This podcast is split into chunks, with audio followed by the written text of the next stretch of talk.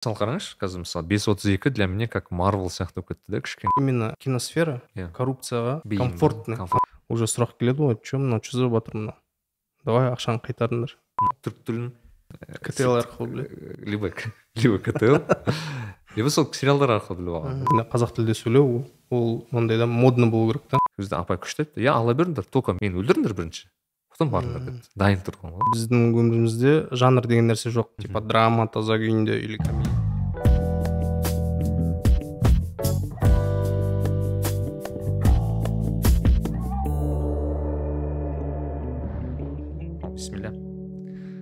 сәлем достар. Ә, біз бүгін ә, осындай бір әдемі ә, ғимаратта әдемі комнатаның ішінде отырып және де маған қарама қарсы тура осындай ақ футболкада әлішер ағамыз отыр әлішер учев ағамыз келіп отыр. Әлішер аға қош, қош келдіңіз. Ассалаумағалейкум. Қош көрдік. Ислам рахмет что позвал. Рахмет үлкен. Иә біз ә, кішігірім ремарка. Мхм. бізде анау ә, кейде комментарий ютубта ашып қарасаң мыналар жиналып алып не орысша араластырады тағы басқа анау басқа деген ше мхм, біз негізі ә, өмірде шын айтқанда біз қалан қазақтармыз иә былайша айтқанда. Мхм. что біз заранее айтамыз? Ә, біз ә, екі тілде ма? екі тілде жүргізе береміз. Оған енді не істемеңіздер. Иә ол кішкене енді ұяттау нәрсе бірақ енді кейбір кезде орысша көшетін енді темалар болады. М, без этого никак. Иә. Вот но заранее кешірім сұраймын. Иә. так сондай осындай ортада өстік енді. Ыыы енді иншалла елу жылдан кейін обязательно қазақша сөйлесемін. Таза қазақша. Елу жылдан. Засекайте бес сағаттан кейін. Иә анау не ғой? Ә, бізде кейде мен өзім мысалы қазақша таза сөйлеуге тырыссам да андай екен кейбір терминдер тіпті қазақша қалай айтылатынын да білмейді екенсің шын айтсам. Мхм. мысалы мына психологияны талқылап едік сол кезде мысалы детский травма деген сөзді аудармай қалғанбыз. Мхм. Ә, өйткені бізде потому что қазақтарда ондай нәрсе жоқ. Вот вот вот как будто бізде ондай жоқ. Либо біз оны игнорировать етеміз да мысалы. Мхм. сондай мәселе ғой да ондай нәрсе мен постоянно сол туралы айтамын да что қазақстан телеарнасын немесе хабар арнасын қоссақ ә, өте өте андай наигранный нелер болады да. Сериалдар иә иә. ә, кейбір передачалар.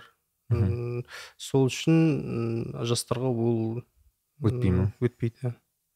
Но бірақ екінші жағынан айта кететін нәрсе ол ә, біз міндетті түрде жүз пайыз қазақшаға өту керекпіз. Мхм енді ол біздің ана тіліміз м, Иә. сондай нәрсе болу керек.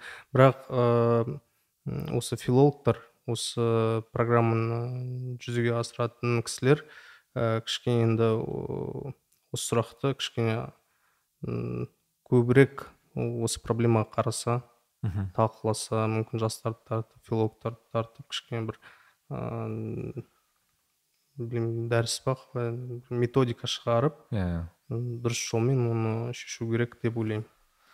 Андай ыыы бізге ше мен байқадым мысалы мен физмат мектепте оқыдым алматыда.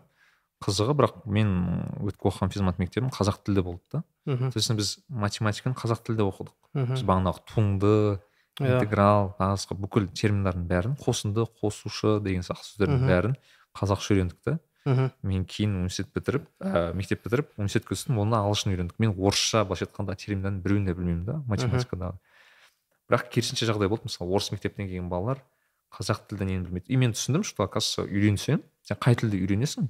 Бір Э, ә, дүниені мысалы. иә ә, сол мүмкін жақтан болады да сол жақтан болады екен. Мысалы біз егер таза қазақша мысалы сериал қарап өскен болсақ мхм, мүмкін бізге наоборот біртүрлі көрінер ме- еді деген сұрақ қой ол жерде сол. Үйрену мәселесі. Мысалы егер қазір мысалы сіз тек қазақша жасасаңыз да халық қабылдамауы мүмкін да оны себебі все таки ондай ну екінші жағы бар да что қазақстан хабар арналары жиырма жылдан астам осындай сериалдарды бізге көрсетіп жатыр. Иә бірақ эффект жоқ эффект жоқ. Значит бір жерде проблема бар. Аха. Вот сол нәрсе бар да. А так сенің оймен толықтай келісемін оны жүзеге Ә. асыру керек. Но бірақ басқа бір жолдармен. Бірақ таза қазақша оны білмеймін қалай істеу керек екенін өзім бір шешім айта алмаймын. Иә. Но істеу керек. Бірақ ыыы мен мысалы қазір еуропада тұрамын бірақ оның өзі күшті екен да себебі біз екі тілді болғанда өте көп нелер артықшылықтар бар екен шынымен. Иә. Өйткені сен шынымен екі түрлі. Даже тілде сөйлескен кезде мысалы бұрында ойлап ойлайтынмын орыс тілде менде акцент жоқ деп. Мхм кейін анау ресейдің Иә. қазақтар ресейдің даже қазақтармен сөйлескенде акцентім бар екенін байқадым Иә, бар сондай нәрсе иә. Екі тілді болғанымыз ол әрине күшті э, именно шетелде жүрген кезде. Мхм ыыы мысалы мен европада болған кезде бір ә, ресторанның алдында очередьте тұрдық. Иә. И сол кезде бір ресейден келген кісілер енді орысша сөйлеп Аха. ойлағанмын ғой жақында ешкім түсінбейді бізді маған қараған бір араб деп па бір нәрсе сондай сөйтіп сөйлеп сөйлеп ана жерде потом айтамын да привет я знаю русский там туда сюда.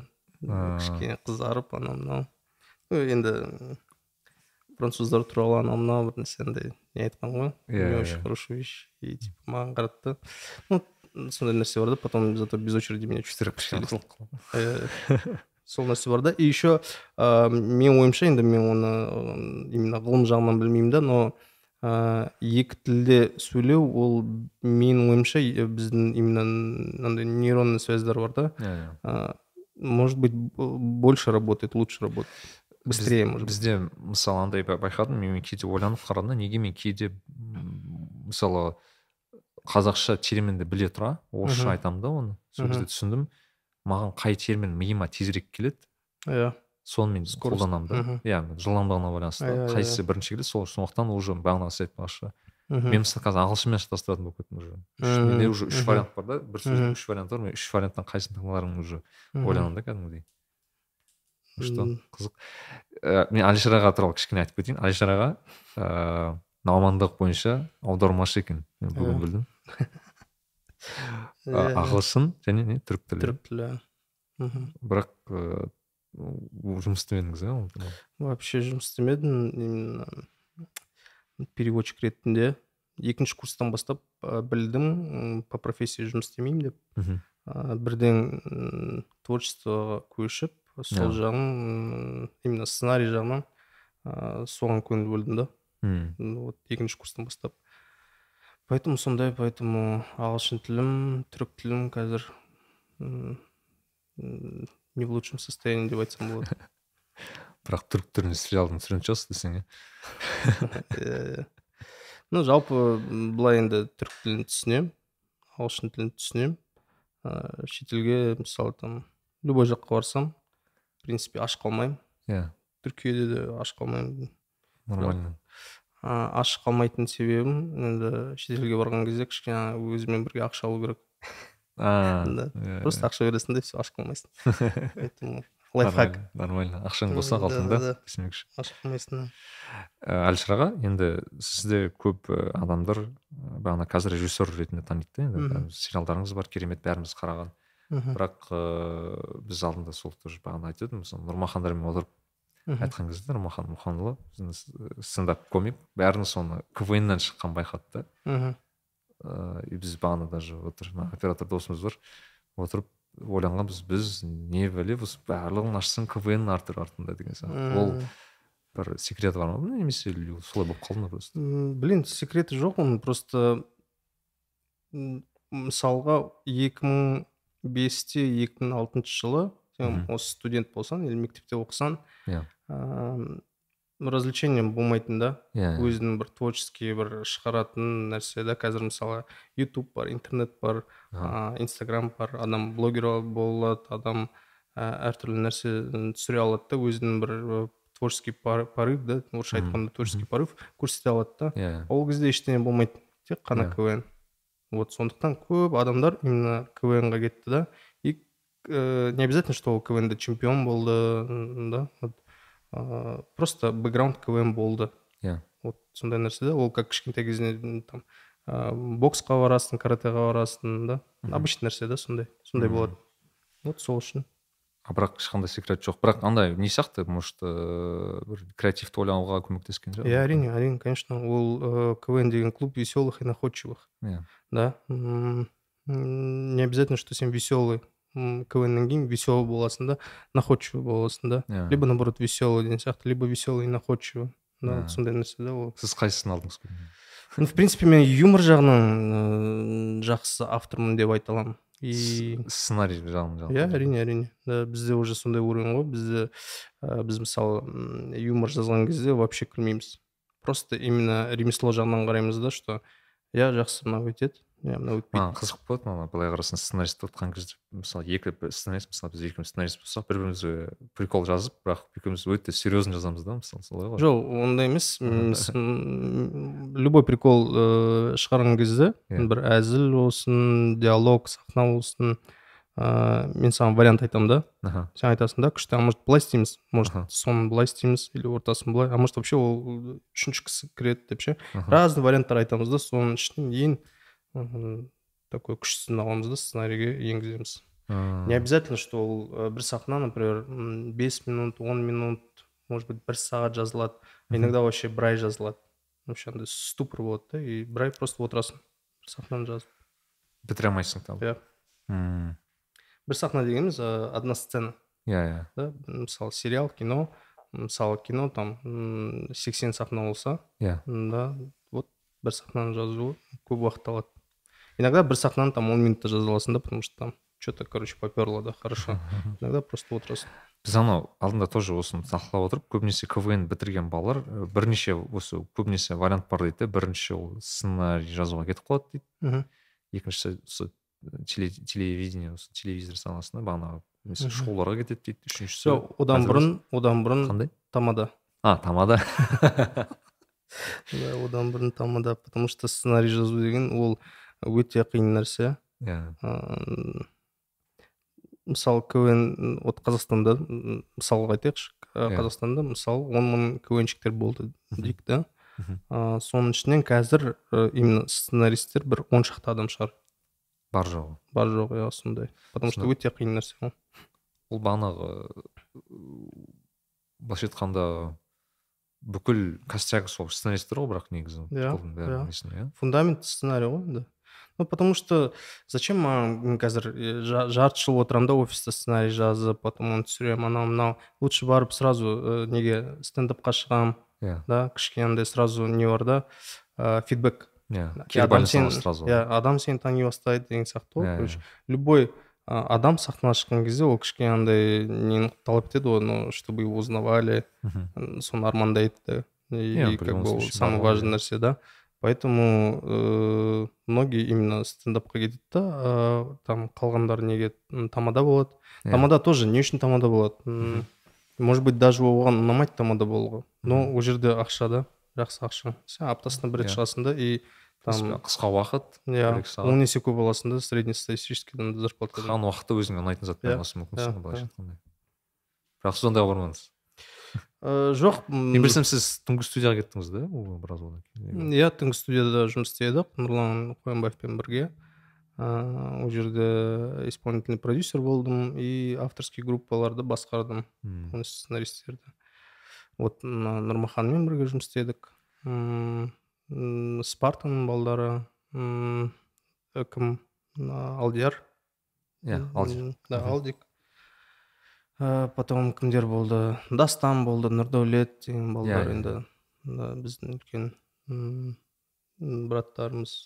Қызығы почти бәрі осы кісілердің көбісі киноға кетті да соңында. Мысалы нұрланның өзі. Да да. Сіз бағанағы балалар көбісі сценарист болып кетті. Ал Иә. жігіттер мысалы фильм түсіріп жатыр деген сияқты. Да да значит вот примерно бір направлениеда жүрдік. Ана не деген сияқты ғой айтида бір не бар күшті ана э, бір та- тақырып бар да. Біз айтамыз ы, ана илон маск шыққан ортасы мына paypal деген компаниядан шыққан да. И айти ненің ішінде paypal gang деген тер- термин бар да оның ішінде бағанағы ну типа банда да. Банда болған и оның ішінде бағанағы илон маск питер тиль былайша айтқанда ютубтың основательдері бүкіл ірі ірі линкединнің основательдері былайша айтқанда бір компаниядан сода топтары бүкіл индустрияны қалаған адамдар болып шығады да соңында екі мың шамамен екі мың бір екі мың екінші жылдары Мгм. бір сол сияқты болып тұр ғой сіздердікі М, да ну если так машалла да только вперед ғой балдарға тек сәттілік тілеймін. Иә.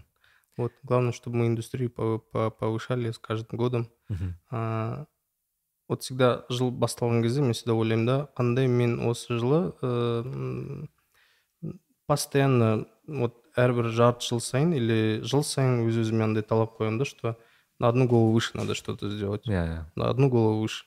Вот мен өзінің стандартынан иә жоғары иә әрине конечно оны отырып бір стандартный схеманы ұстап алып оны до конца жизни істесем болады ғой. Иә. Но зачем? Бізге глобализация керек.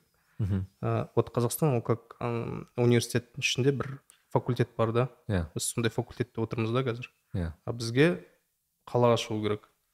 Да. Қаланың артынан еще целый әлем бар. Сол жерге бару керекпіз да. Потому Иә. что біздің миымыз мен уже көптеген ну, в принципе иностранный продюсерлермен сөйлестім жұмыс істедім біреулермен да. Ресеймен жұмыс істедім. В принципе біздің миымыз тура сол ми. Да тура сол. Тура сол. Сен мысалы шетелде жүрсің шетелде жұмыс істеп жатрсың да. Иә.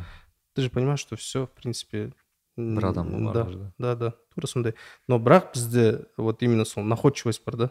Иә. біздің қазекеңдер өте находчивый өте креативный да. Біздің біздің тұрып жеріміз ә, көршілеріміз ә, кішкене біз біздер деген енді саясат жағынан любой жағынан дипломатия жағынан кішкене ә, адаптивный болу керекпіз да. Иә өйткені күрделі жерде орналасқанбыз Иә. ғой өзіміздің. Иә, сол уже біздің қанымызда бар да. И поэтому біз глобализацияға шыққан кезде нормально. Өз өзімізді хорошо чувствовать етеміз да и нормально өмір сүреміз поэтому біздің қазақтар обязательно міндетті түрде м, әлемге шығып бір күшті үлкен үлкен белестерді алу керекпіз. Иә. Ал этот өзіңіздің неңіз арманыңыз бар ма сондай? Шетелге шығу ма? жоқ ол арман емес ол деген мақсат. Иә. Да, ну как бы жоқ андай арман дегенде болады ғой бір кейбір кісілер мысалы арман деп өз мысалы оскарын алуын айтып кейін ондай ғой мне кажется ол м, арман емес ол как бы жай ғана мақсат деп ойлайсың мақсат да менің ойымша сондай потому что біздер бастаған кезде ә, тоже сондай болатын да типа не үшін бастап жатсыңдар кино сериал деген сияқты да. Иә. Бізде қазақстанда ондай өтпейді ондай болмайды деген сияқты. Өте көп сын болады бізде ше. Ә, там кино түсіресіңдер ма сендер банкрот боласыңдар. Сондай нәрсе көп болатын. Иә. вот и э, ну как бы индустрия болмайтын да. И как бы сейчас тоже индустрии нету.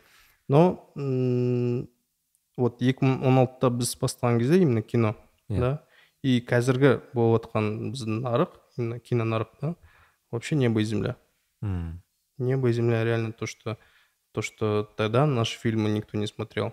Там Да. я не знаю біз вот получается алты, алты жылдың ішінде а, именно местный производительдерге местный компанияларға местный кино көретін халық бір елу пайызға ма сондай қылып өсті. Иә. Да до этого там если было 6 процентов сейчас там типа 56 ну, к Мгм. примеру я точно цифры не помню. Ну сондай нәрсе да это же хорошо это же круто. Ол андай не сияқты ғой ыыы о баста вроде как қызық дилемма ғой негізі. Мысалы кезінде мысалы айтайық бір он жыл бұрын неге сериал жақсы жоқ десе көрермен жоқ дейді. Мхм бірақ по сути жақсы сапалы сериал шыққанда көрермен өзі пайда болады. Иә табылды сондай ғой иә көрермен өзі табыла қалады ғой мысалы даже даже не обязательно елдің ішінен табылады мысалы менің білсем вот бес отыз екінің көп снг-ның адамдары көп иә иә иә сондай болды иә ыыы өте көп ресейде украинада белоруссияда көрермендер өте көп мен өзім лично ыыы, киевқа барған кезде соны соны көрдім байқадым көрген бе жерде? өте көп и еще танып жатыр да мен хотя я за кадром всегда ну как бы но танып жатыр я ну так в шоке был негізі андай сияқты да. Мен ойлайтынмын бұрында мысалы мен бес отыз екіні кішкене неге ұқсаттым? Шу детективсқа ұқсаттым да басында. Мхм. Бірақ ыыы басында солай ойладым. Мхм. Бүйтіп көріп жатырмын көріп жатырмын. И в какой то момент понял что это кішкене басқаша зат екен ше. Өйткені все таки бес отыз э, бес отыз екі мен ыыы настоящий детективтің айырмашылығы ол настоящий детектив все таки американың культурасы туралы да кішкене. Олардың былайша айтқанда. Мхм. Ыыы құндылықтар деп айтсам болады да. А бізде кішкене все таки басқашалай болды да. Ну уже біраз уақыттан он екі серия болды. он екі сериядан кейін какой то бір мен үшінші сериядан кейін соны уже түсіндім да. Точно мынау бөлек дүние екен деген сияқты. Мхм все таки басында ондай бірінші рет көргеннен кейін сен салыстырады екенсің да. Иә әрине. Бар затпен. конечно конечно бар затпен салыстырасың оны иә. И ол нормальный дүние. Иә. М, по-любому салыстырасың. Ыыы бірақ ыыы мен ең басында осы проект істеген кезде ы, ешқандай андай талап болмады да что біздер true detective немесе бір кәрістің бір сериалдарын иә ұқсап ондай вообще болмаған. Вот внутри что есть типа сондай түсірейік. Вот у меня была такая позиция. Нужно что-то свое что-то э, ну ментальное интересное біз өзіміз түсінетін Иә. иә бізге жақын. Да, да. А м, как по- политика Netflix, да, сейчас такая, что а, оларға уже американский андай историялар қызық емес вообще абсолютно. Бұл локальный история Локальная история, да. Ага. А, а, как вот менің бір ә, досым бар соавтор Сергей Литовченко м, бірге сценарий жазамыз. Вот с- Сергей айтқандай, все, что а, интересное национальное, да, становится интернациональным. А, Да, сондай. былайша қарасам мысалы мен соңғы пример мен игра в кальмар болды да. Мгм. былай ойласаң мен енді оқығам сүйеніп айтып отырмын. Ол мысалы сценарий о баста жазған кісі оны бір он он бес жыл бұрын жазған екен да. Иә. ұзақ біраз уақыт бұрын. Мгм. бірақ жазғандағы ойы ол сол кездегі өзінің уақытындағы кәріс қоғамы жайлы да яғни олардың былайша айтқанда өте конкурентті қоғамда мен өйткені себебі кәріс именно оңтүстік кореядан не достарым бар олардың айтатыны да сол да бағанағы кәріс қоғам өте андай бір ыыы компетишнға толы дейді да яғни адамдар бір Мгм. жарысып бір Иә. не істеп бір бірін таптап өтетін сондай қоғамда өмір сүреміз дейді да соны айтқан кезде былайша айтқанда как будто бір игра, в кальмар соны бір көрсеткен сияқты болды былайша айтқанда адамдардың осындай бір жарыс типа қандайға алып келу керек болады. Вроде как локальная история. Бірақ былайша айтқанда глобально оны қарадық та себебі бізге сондай бір оны қараудың өзі бір қызық болған сияқты да. Да, конечно, игра кальмара вообще ол деген бір мынандай жаңалық болды да. Сізге сценарий. ұнады ма ол? Конечно, конечно, өте күшті, өте крепкий сценарий. Ол сценарийді мысалы ақш түсірсе, иә. я не знаю, любой, жапон болсын, ресей болсын, именно драматургиясын түсірсе, драматургия жұмыс істейді. иә. Бірақ ол драматургияға тағы ә, кәрістің менталитетін қосып, иә. М, такой необычный бір ментальный бір история шықты да, которая Мгм. интересно потому что ә, менің білуімше негізі ә, оңтүстік ә, азияның адамдары. Иә. Ә, олар кішкене енді неге да ставка азартқа кішкене жақындау. Иә иә. Да такие азартные Азартные. да именно внутри. И сондай именно бір спорласатын кезде анау мынау вот ә, кәрістерге жақын с- сол, сол тема да М, и как бы ә, азарт деген ол ә, әрбір адамға жақын ғой мхм. негізі ше. Любой любой точка мира. Иә. Вот и как бы понятная история. Аха М, вот. А, то что ол кісі он жыл бұрын сценарийді жазды. Иә. Потом неге студияларға барған. Ага. студиялар басында сенбеген бір нәрсе болған сондай. Мгм. вот о, ну такое часто бывает. Сізде бар ма мысалы сондай сериалдар? Мысалы Э, сіз мысалы жаздыңыз бірақ өтпеді деген ондай прям жоқ. Ондай қазір жоқ. Менде любой мен в принципе историяларым уже сразу неге да экранизацияға кетеді. Но бізде видишь индустрия өте андай да молодой иә только только индустрия енді басталып жатыр да бізде. Поэтому ондай жағдайлар болашақта болады. Сто процентов. Бізде үлкен студиялар ашылған кезде мысалы не площадкалар э, там netflix сияқты бір нәрсе локальный например центральная азияға или там снг ға ашылса ондай э, случай э, не болады случай. Иә. Вот. А қазір пока ондай нәрсе жоқ. Андай болмады ма сізде? Болады бір жазып ойланып келесің да бүйтіп безумный бір идеялар келе бастады мысалы. Сондай болады болады. ондай безумный идеялар болады. А, но мен түсінемін да что ол например біздің нарыққа келмейді. Ол бірақ кішкене ә, международный зат. международный да. Аха. сондай қазір ә, презентация проекттерді сондай дайындап жатырмыз соларды ну ұсынып көреміз. Мысалы просто маған игра в кальмардың бір ұнағаны вроде как бағана сценарно вроде как даже немістер болсын ә, американецтер болсын ондай затты универсальный. түсіре алады да былайша айтқанда. Бірақ маған ұнаған жері мысалы олардың менталитет. ә, менталитетін көрсеткен әсіресе мысалы ыыы даже тамағына байланысты олардың анау не еді анау не рамен жейді ғой мысалы қыз- палочкамен анау рамен жейді немесе ана апасының анау ыыы апасына әке баласы келеді деп күтіп жүру бала келмейді деген сияқты сондай бір чисто негізі локальный тема да мысалы ол жақта себебі шынымен мынау туысқандық байланыс кішкене европаға қарағанда басқашалай жүреді дегендей да. Все таки азиялық мемлекеттердің туысқандық мысалы қарым қатынасы басқашалай иә иә.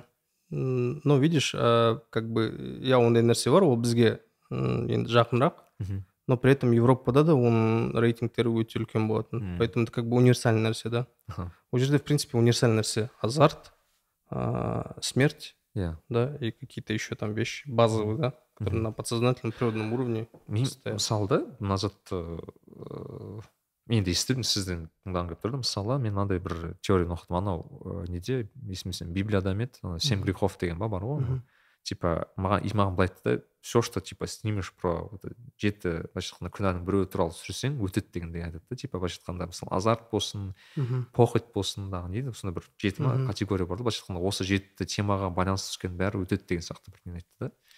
Мгм. адамның былайша айтқанда ана порок дейді ғой орысша. Иә, иә, иә. не обязательно семь грехов Мгм. это как бы енді просто ана олардың М, мүмкін да, несіне да м, может быть терминология жағын білмейді да негізі ә, әлемде отыз екі қателеспесем отыз екі отыз үш ә, сценарный ходтар бар да сценарный белгілі ходтар ма иә А. отыз екі отыз үш это потти или что то такое да а, э, а, аристотель тоже э, говорил да свои именно драматургические ходы Аха. Вообще ол деген уже э, больше мы не напишем. Все, М. это существующие, да, вот ходы. М, И как бы базовые вещи, да, там типа а, любовь, ну, там смерть, м, там м, что еще у нас может быть? Ну, какие-то барлық такие, мотивтар да короче ол мүмкін. да, как Ага. бы такие э, вещи базовые, да, которые адам м, біледі да, что адаммен ондай заттар болады иә или болды. иә Ол в любом случае интересно вот. аха понимаешь Мгм. и как бы да это интересно но с другой стороны как это сделано ол екінші вариант потому что м, басқа сұрақта ол потому что көптеген историялар бар да именно про семь грехов то что ты говоришь иә но очень много из них ну, Өтпеді. н- өтпеді иә халыққа вот поэтому не обязательно что именно м, жеті күнә туралы там сериал кино түсірсең оған міндетті түрде ә, Аха. там қаралым қаралым көп жинайды деген ол наверное ана больше то что мысалы кез келген халықтың өзінің былайша айтқанда проблемалары бар ғой. Мысалы біздің Иә. халықтың өзінің былайша айтқанда Ментально. ментальный проблемалар бар деген сияқты. Мүмкін сол үшін де өтетін шығар кейде мысалы кәрістерге мысалы ана Мгм. кәрістерге байланысты мысалы географикалық барын өткен деген сияқты ал бірақ жалпы байқағаным кәрістердің одан бұрын киноиндустриясы қатты дамыған иә одан мысалы біздің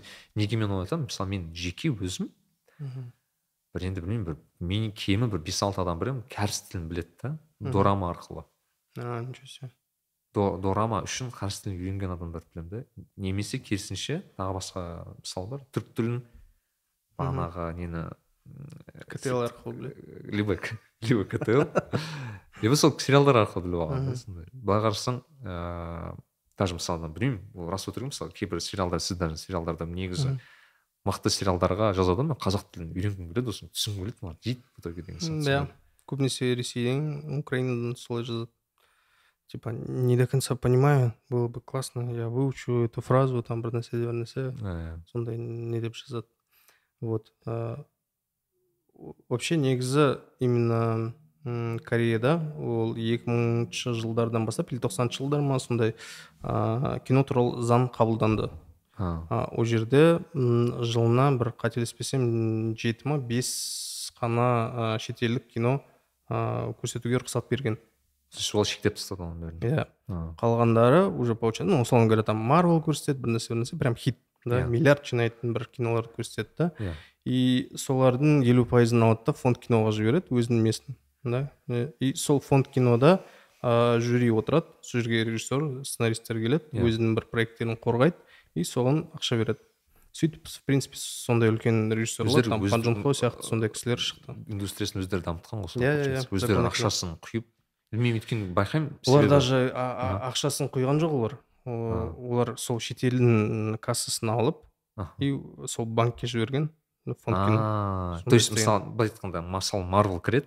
Мару елу пайыз сен елу пайызын өздерінің фондына жібереді иә ақшасын. иә, да иә сондай істеген олар сонда одан тапқан пайданы Иә, жу- иә. жұмсады ғой былайша Иә, айтқанда. иә. а бізге олай істеуге бола ма?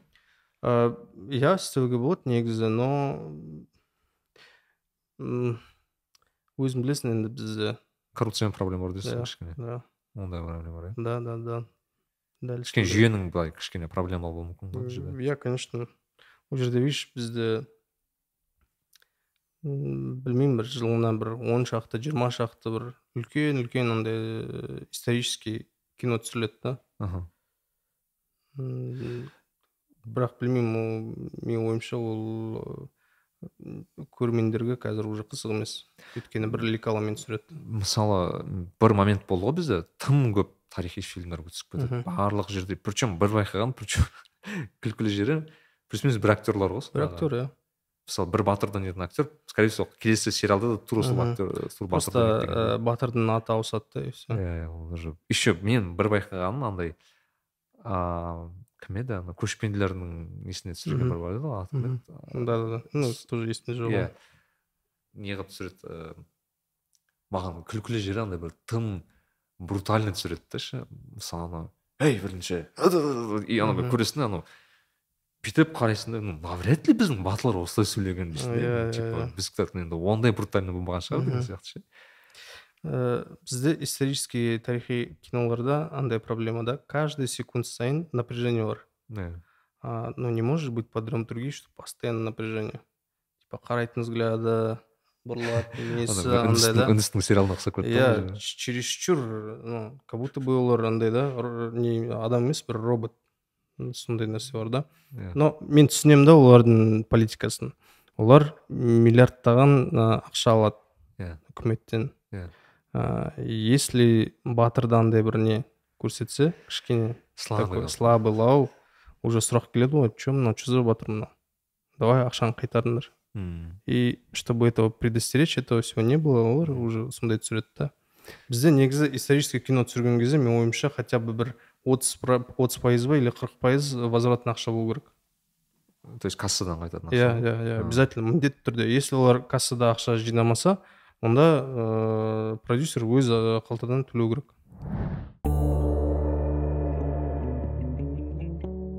Ассалаумағалейкум достар. Қасиетті құранды оқу мұсылман адам үшін өте маңызды ә, сауапты істердің бірі.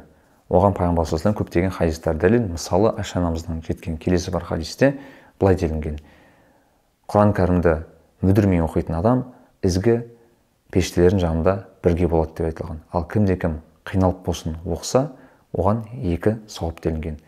Бұл хадис бойынша адамның кез келген жағдайда болсын қандай деңгейде болсын құранды оқу қаншалықты сауапқа ие болатын істердің бірі екенін көрсетеді. Және намаз уақыттарын көрсететін бізге сүйікті сажда қосымшасы осы керемет сауапты істе бізге көмекші болады. Ол үшін ә, сажда қосымшасын ашып оң жақ шеттегі құран батырмасын басамыз.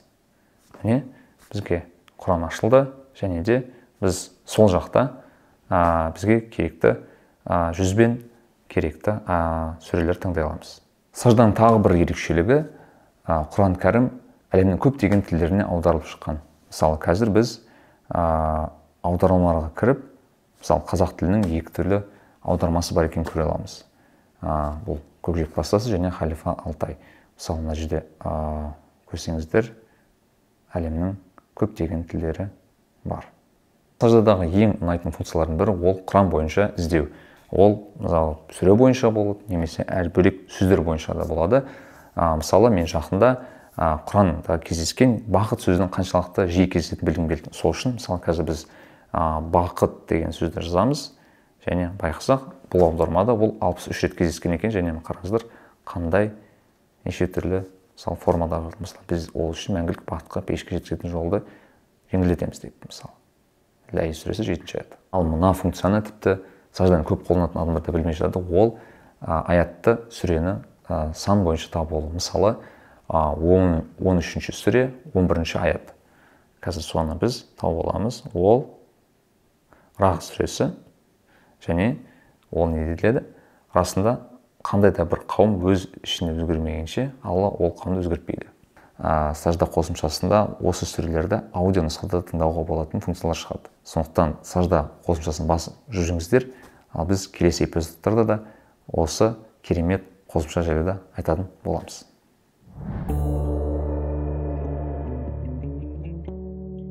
Көбіне байқаймын. Менің байқағаным назар бізде кино бөлінеді мысалы бір сондай кинотеатрға арналған кино бар. Мысалы нұрлан қоянбаевтың түсіретін. Жүз пайыз тоқсан тоғыз да тоғыз пайыз өзін ақтайтын фильмдер да мысалы көбінесе сериалдар. Енді ол э, фильмдер сериалдар оларда былайша айтқанда сынауға қаншалықты дұрыс екенін түсінбеймін өйткені олар мемлекеттік заказ емес өздерінің қалтасынан істеп жатыр. Соответственно олар инвестор ретінде дұрыс өте дұрыс мхм. ы, ход жасап отыр былайша Да. айтқанда. Олар қандай сериалдың қа- қандай фильмнің өтетінін біледі. Бірақ мысалы мемлекеттің жағдайында мен байқасам мысалы бізде көп оказывается авторский фильмдер түсіріледі екен да Иә. мысалы. Мхм. Мен шын айтсам соңғы уақытта авторский фильмдерінде тек сол черный черный человекті көрген сияқтымын мхм и то не уверен ол қай бюджеттен түсірілген ол фильмнің бірақ шын айтсам басқасын біл- басқасын білмеймін да вроде как түсірілгендердің ішінен мхм и ол халық өтпеді ғой мысалы көп сериалдар сіз айтып отырсыз мысалы көп қазақ фильмнің өзі қаншасын түсіреді. Мхм өмірде көрінбеген фильмдер де бар ғой бізде мысалы бар архивта жатқан деген секілді. Мүмкін сол акцент скорее всего неге берілу керек ана адамдардың именно просмотр болатын заттар түсірілу керек деген сияқты не обязательно. Андай э, фестивальный кино тоже болу керек Иә. ол міндетті түрде болу керек но бізде мынандай проблема бар да что ақшаны құртады да потом оны фестивальный кино деп айта салады да Ә, артын жаба салмаса артын солай жаба салады а кто Мгм. кто поймет типа э, ешкім шықпайды ғой типа жоқ мынау фестивальный кино емес деп ше Э, ну как бы короче именно киносфера иә коррупцияға өте андай да м, бейім, комфортный комфортный жер. комфортный условия ғой Иә. под кино И именно творчество творчество ко- коррупцияға өте комфортный потому что ешкім баға бере алмайды типа мынау фестивальный кино емес деп ешкім айта алмайды даже тіпті мысалы мына актердің ставкасы осындай деп те айта иә алмайсың мына ғой. исторический киноға бір миллиард ол көп ақша какой Иә. чиновник так может сказать он не разбирается в творчестве иә вот видишь поэтому комфортные условия. А енді жастар шығып жатыр которые бір там я не знаю бір өте мынандай бір мизер мизер неге да андай күшті күшті проекттерді түсіріп жатыр мхм вот. Ну как бы ол э, андай нәрсе да больной тема да оны менің ойымша үлкен кісілер үлкен режиссер режиссерлар ә, жастармен бірге ә, бірлесіп ә, бір сапалы проекттерді шығару керек. Чтобы и жастарға и үлкендерге и оның ішінде коррупция болмасын ну типа да честно честно сондай болу керек екі жақта бір бірімен келісу керек қой біз таза да да, жасаймыз да сияқты. диалог болу керек та а то бізде үлкен кісілер вот жастар не түсіріп жатыр ұятсыздар анау мынау дейді да. Жастар үлкендерді сыйламайды. Ну короче такой екі лагерь болып жатыр да? Иә мысалы сіздің сериалдарыңызға байланысты мысалы сержан братан болсын Мгм. бес отыз екі болсын сондай бір комментарий келмеді ма үлкен айтқанда үлкен конечно конечно келеді конечно келеді. Ә, жақында вот бір ә, неге передачаға шақырғанда бір телеарнада. И ә, мен съемкада болдым. Съемкада болдым да мен келе алмаймын деп айттым да. И ә, сержан братанды ә, кім ербол сол сержан братанның баласы. Иә иә ә, сол барады да қонаққа. Ол жерде ә, тіл мәселесі көтерілді да что қазір бізде екі тілді не М, екі тілді сериалдар көп болып жатыр деп жатыр да. Вот и и ана жас баланы жеп қойды сол жерде. Үлкен кісілер. Ерболды. Иә. Неге орысша сөйлейсің деген себебі? Неге орысша сөйлейсің өйткені сержан братан көбіне сексен пайыз орысша түсірілген ғой да жетпіс пайыз дейік жетпіс пайыз алпыс пайыз орысша. Даже жоқ алпыс пайыз потому что ол именно қалаға барған кезде ол ыыы, орысша сөйлейді. Иә. Семьямен болған кезде жалпы семья қазақша сөйлейді. Сондай болады ну как бы как в жизни так есть иә. да сондай нәрсе. Вот и ә, типа айтады да что өте көп сериалдар екі тілді болып жатыр ну как бы я не знаю басқа сериалда не болып жатыр мен көрдім сериалдарды и қазақшасы бар орысшасы да бар. Иә. Лично мен просто солай сөйлеймін да.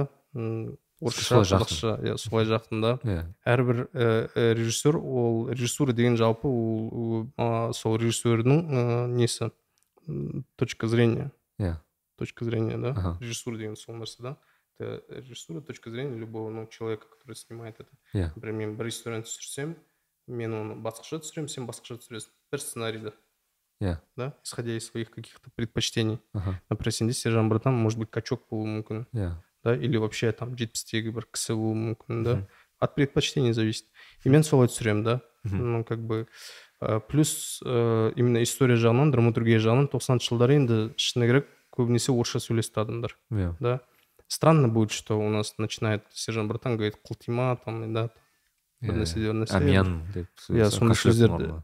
сондай сөздерді қолданып которые в жизни мы ну, знать не знали да иә и сол жағынан енді ә, ербол наверное не донес до старшего поколения почему так сделали да Кино. драматургия жағынан конечно я понимаю если бір исторический мысалы исторический бір кино сериал мысалы түсірсем, жаужүрек мың бала деген сияқты фильм Иә. түссе әрине ол жерде қазақша түсіремін мен иә. ну это же как бы сеттинг понятно мен кажется мың тоғыз жүз жиырмасыншы жылдан кейінгі историяның бәрі уже орысшаның Иә, араласып жүреді ғой бізде да. Ары кетсе мысалы мың тоғыз жүз он алтыншы жыл ғана қазақша түсетін шығар одан кейін уже иә. араласады ғой бізде. Да, соңғы жүз жыл деп айтайық иә. жалпы зрительге зрительдерге тыңдарманға мен не андай бір орысшаны қолдайтын деп ойлап қалмаңдар сондай кісімін деп ше. Негізі полностью біздер қазақша сөйлеу керекпіз. Бірақ осы переход плавный болу керек. Та плавный дегенде бір ә, не то плавный агрессивно болу нет даже может быть агрессивно. Уже наверное уақыт келді отыз жыл иә. өтті. Уже бір агрессивный ходтар істеу керек негізінде ше. Иә иә. Но бірақ просто бір ақылды переходтар болу керек та. Иә. Пусть они будут агрессивны но четко перейти. болмау керек да да да сондай сияқты да короче. Негізі мен өте қатты патриотпын. Хоть жақсы мысал келтіреміз ғой мысалы хабар тура сондай сериал түсіп бірақ біреу өтпеді ғой мысалы олардың. Өйткені меніңше тым бетке да ананың бәрі бәрі. Мхм. ол проблема бізде сондай ғой. Бізде жалпы қазақ тілге өту қазақ тілін модно істеу ыыы, істеу үшін менің ойымша ыыы, өзендегі балдар көп үлесті қосқан чем үкімет иә шын өзен балдары действительно да или там кімдер 91 иә. Да? Действительно э, қазақ тілді модный тіл қылып көрсетіп жатыр. Мысалы біз жаңа ғана осы басталмас бұрын шиза туралы сөйлескенбіз. Мхм. Шиза мысалы шизаның қазақ тілі маған жақын. Шын айтқанда. маған да жақын иә шын айтқанда абайдың тіліне қарағанда маған шизаның тілі жақынырақ сөйткені мен шынымен сол солай сөйлеймін. Иә мысалы. И оны тыңдаған мысалы шетелдік мысалы орыс балалар керісінше соны көріп оны мен де солай сөйлегім келеді. Мхм. мысалы ол еще араластырды ғой андай бір мысалы оңтүстіктің былайша айтқанда сөздерімен асады шли деген Иә. сөзді қостырып жібереді иә. немесе Э, ағылшын сөздерін қосып жібереді деген сияқты. Тыңдайсың и сенде бір вообще вайп қалады ғой. Осы осы қызық осы тілде мен сөйлегім келеді деген сияқты. Себебі маған шынымен бір екі кісі маған келіп ә, подкастын тыңдайтын айтты да неге тыңдайсың десе маған қазақ тілін үйренемін дейді сол арқылы. М, Мен қазақ тілін үйрену үшін подкаст тыңдайды екен. Неге сен басқа зат тыңдамайсың десе өйткені басқа зат қызық емес дейді маған. М, Яғни тілді үйрену үшін сен ә, қол тыңдайтын қарайтын оқитын контент өте қызық саған қызық бірінші кезекте қызық болу Иә, керек та. иә. сол арқылы ғана сен мысалы несін ыыы Мгм. үйрен тілді үйренесің мысалы даже маған пример ретінде мысалы кімді келтіремін? Аниме бар ғой. Иә. Жапон тілінде жазылған анимелерде мысалы менің достарым назим бар мысалы ол озвучкамен айналысады да жапон тілін білмейді. Мүлдем бір сөзін де түсінбейді да. Бірақ озвучкамен айналысады тура прям бірге бір нарутоның несін сап дауысын салып береді да ана жерде. Ше. М, Я ойлаймын Мгм. қалай ол мүмкін деп ше? И мен кейін орыс ойлап қалсам мысалы бір уақыттан кейін біз қазақ тілінде солай салып беретін мысалы качестволар пайда болуы мүмкін да? Реально мире то есть да да.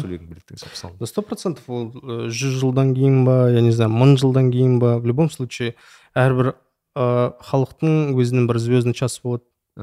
Когда ол ә, бүкіл әлемге өзін паш етеді да сондай болады да. Как хайп болып кетеді да. Любой любой нені алсақ халықта сондай болады уақыт.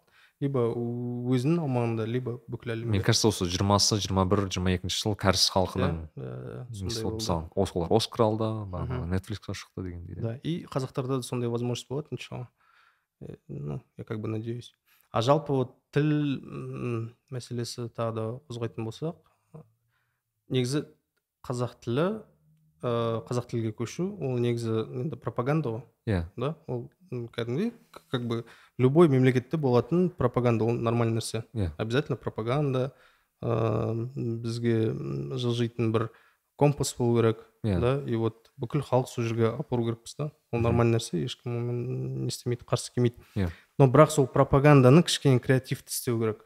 Менің ойымша иә да потому что бізде пропаганда андай кішкене бір не ыыы ксро кезінде болып жатыр да. Өте андай в лоб. Иә өте креатив жоқ пропаганда болып жатыр да. Иә мен ойлаймын да не үшін балдарды алмайды да жас балдарды Э, шақырыңдар там я не знаю ақша төлеңдер жақсы бір да көзі ашық балдарды тартып ақшалар төлеп нормально ақшаны да и сделать хорошую пропаганду.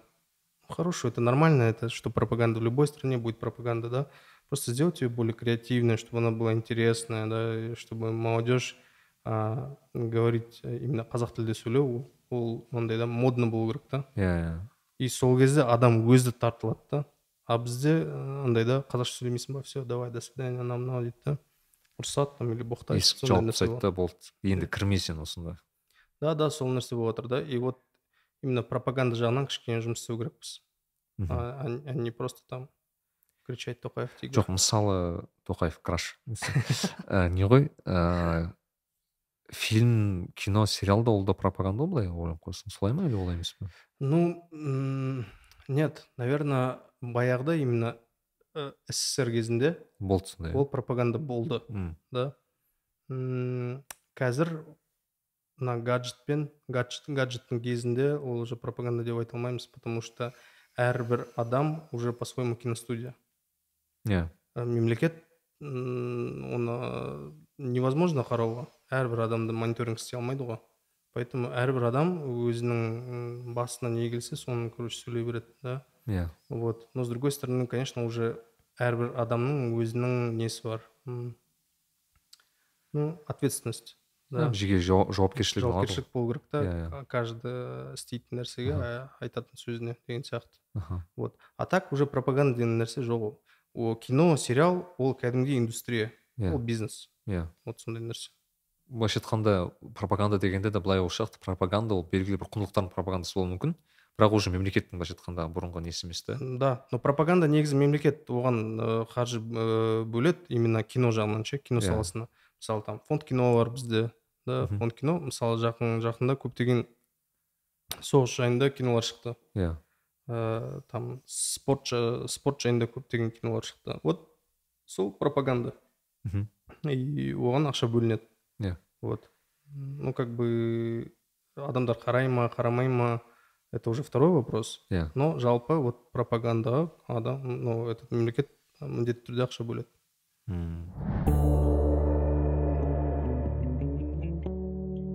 әлішер аға мысалы мен мынандай затты қозғағым келіп еді да жалпы сізде енді сценарий с- сценарий жазасыз түсіресіз тағы басқасы бізде көбінесе андай сұрақ қояды типа музыка қай жақтан келеді анау келеді мен ондайға сенбеймін бірақ мен мына затқа сенемін да адамға білім өте қажет. Бірінші өзінің мансабына. Екінші все таки бір жақтан ол ыыы рухани азық алу керек деп ойлаймын да. Все таки рухани азық деген қалай түсінемін? Мысалы ол ыыы белгілі бір дүниені түсіру үшін сен бір астына бірнәрсе бір месседжді бергің келеді да все таки өмірде мне Мгм. кажется сіз мысалы қандай сериал болмасын біздің подкаст болмасын кез келген бір даже программист болатындай мен мысалы өзі ойлаймын да кейде жұмыс істеген кезде мен именно осы бір жеті затты өзім жұмысым арқылы жеткізгім келеді деген сияқты. Сіз осылай қалай подпитка жасайсыз өзіңізді мысалы?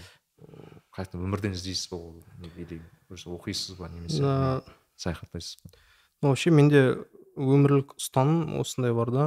Ол именно дінде жүрген адамдар біледі оны. иә что а, нужно сделать от себя сто процентов возможного Ага. да и дальше полагаться на всевышнего да вот сол нәрсе бар да Ә, когда ты м, ол м, вообще э, осы ұғымның да как бы екі екіге бөлеміз сол ұғымды да сделать Иә. себя все возможное на сто процентов иә и полагайся на всевышнего Мгм. да это две две важные вещи иә теперь ә, когда м, мысалы мен бір сценарий жазсам или бір ә, сериал кино түсірсем либо любой любой нәрсе істесем мен ә, өз өзіме сұрақ қоямын да что уже типа вот алла тағала тәубе да типа вот не беремін да алла тағаланың қолына беремін да типа вот алла тағала помогите мне иә вашему рабу деген сияқты да. Но өз өзіме мындай трезвый сұрақ қоямын да я действительно ли на сто процентов сделал эту работу? Иә да и сол кезде уже сұрақтар пайда болады да сұрақтар пайда болады да значит нет надо вот здесь усилить надо вот здесь лучше сделать деген сияқты да аха и вот действительно прям жүз процент болған кезде адам оны сезеді что максимально все что я мог я сделал вот дальше тәуекелдің дұрыс формуласы осы сияқты сен Э, тәуекел да да да о- жүз жиырма пайыз былайша айтқанда Да. өзінен талап етесің да Талап өз етесің. өзінен и одан кейін да тәуекел алла тағала вот сондай не бар да ұстаным потом ә, мен ә, любой проект бастаған кезде ә, именно ә, киносферада жүрген адамдар біледі оны что кез келген проект бастаған кезде сен өте көп референс көресің Мгм. потому что любой сенің түсірген проектің ол самоповтор.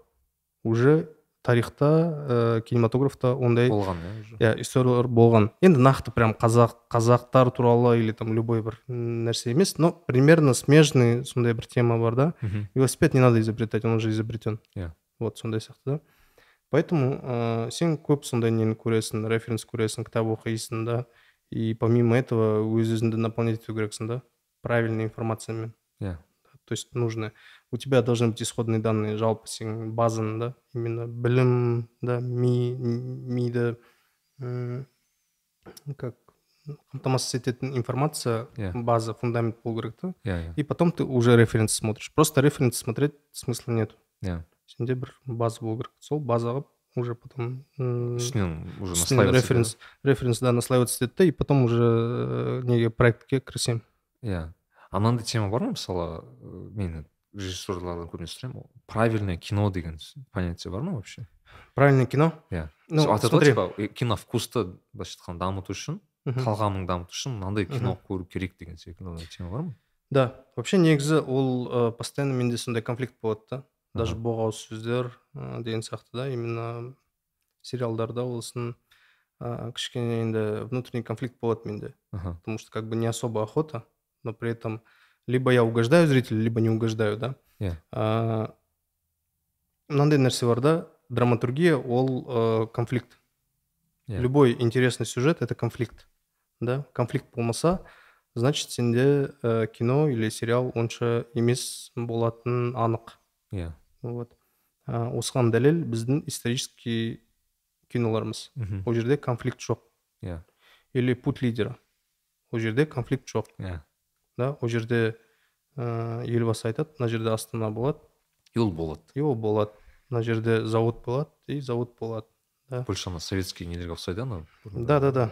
М, ешқандай конфликт жоқ та и как бы режиссер именитый режиссер я не знаю хоть скорсезе пусть это снимет получится кино М, это потому что заң да сондай Иә. вот конфликт болу керек М, и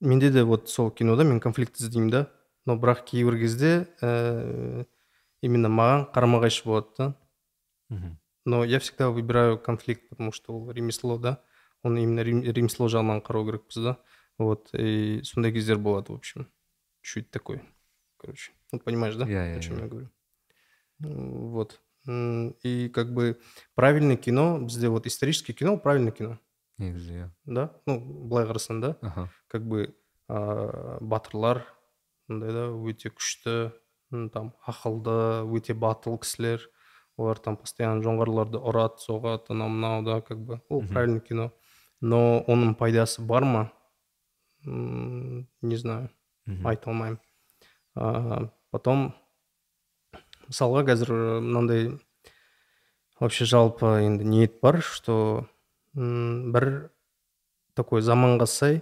м, именно дін жайында қандай конфликт болады ә, қандай әртүрлі жағдайлар болады деген сияқты сондай бір ә, поучительный бір сериал м, түсіретін енді ниет бар негізі болашақта. бір мысалы жігіттің дінге келу туралы ма иә иә да.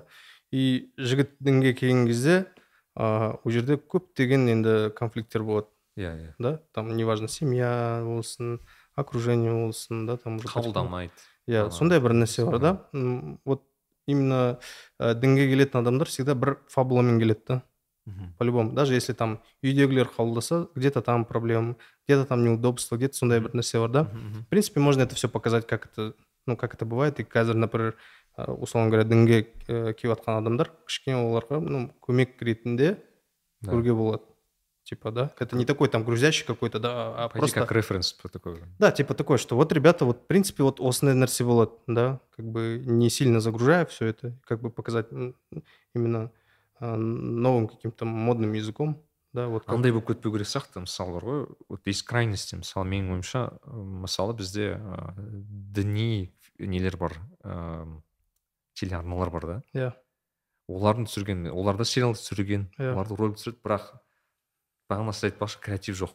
Реально креатив жоқ немесе ну конфликт бар бірақ конфликт аша алмаған деген секілді да типа. Мен оларды да түсінемін потому что ол өте андай опасный нәрсе да. Прям реально там, да өте опасный нәрсе. Мен өзім ниетім бар енді сондай істеуге да но когда сценарий жазған кезде уже ол жерде көреміз қалай болатынын. может быть я тоже скажу блин слишком ну типа опасно да Э, как бы тоже такой внутренний конфликт мен оларды түсінемін иә это не игрушки там играться это уже не какие-то там да entertainment иә. как сериал, там кино деген сияқты да ол жерде уже ну как бы ну такой в общем с- чуть сложный вопрос я не знаю как на него да блин вот мен мысалы соңғы уақытта қараймын мысалы нетфликстің көп сериалдарының өзі ш- тым шаблонный болып кетті ғой мысалы мен Иә. қарас байқағаным уже Иә, иә. біраз уақыт көре бастадым сен нетфликс қайталана бастайды просто сенде былайша айтқанда бір конфликт бар. Мысалы енді мысал ретінде айтамын бір қыз бар оны қоғам қабылдамайды. Ол короче отшельник болып жүреді. Потом бірнәрсе спортта немесе жұмыста бірнәрсе тағы бір неде жұмыс бір белгілі бір успехқа жетеді. Потом алар короче оны көреді ол көрсетеді өзін короче бағанағы сіз айтпақшы кодтар белгілі да өте сен уже бастап жатып түсініп жатырсың Иә. сол жағынан наверное бізге мысалы бағана ирак кальмар өтті. Өйткені тым не прямолинейный сценарий да мына жерде. Мгм. немесе бағанағы оскар алған фильм аты қандай еді анау Э, этот паразиты паразиты тоже мне кажется кішкене конечно. өте андай бір сценарий жағынан кішкене андай бір шатасып кеткен да паразиты негізі ол э, қазіргі э, қазіргі уақытта осындай не бар да тенденция. Жалпы уже біздің өмірімізде жанр деген нәрсе жоқ. Типа драма таза күйінде или комедия деген сияқты. Қазір бізде мультижанровость деген нәрсе бар. То есть комедиямен басталады да трагедиямен там бітеді Иә. или драмамен или социальный драмамен бітеді да Мгм. или социальный драмамен басталады да комедиямен бітеді арасында хоррор болады деген сияқты Иә.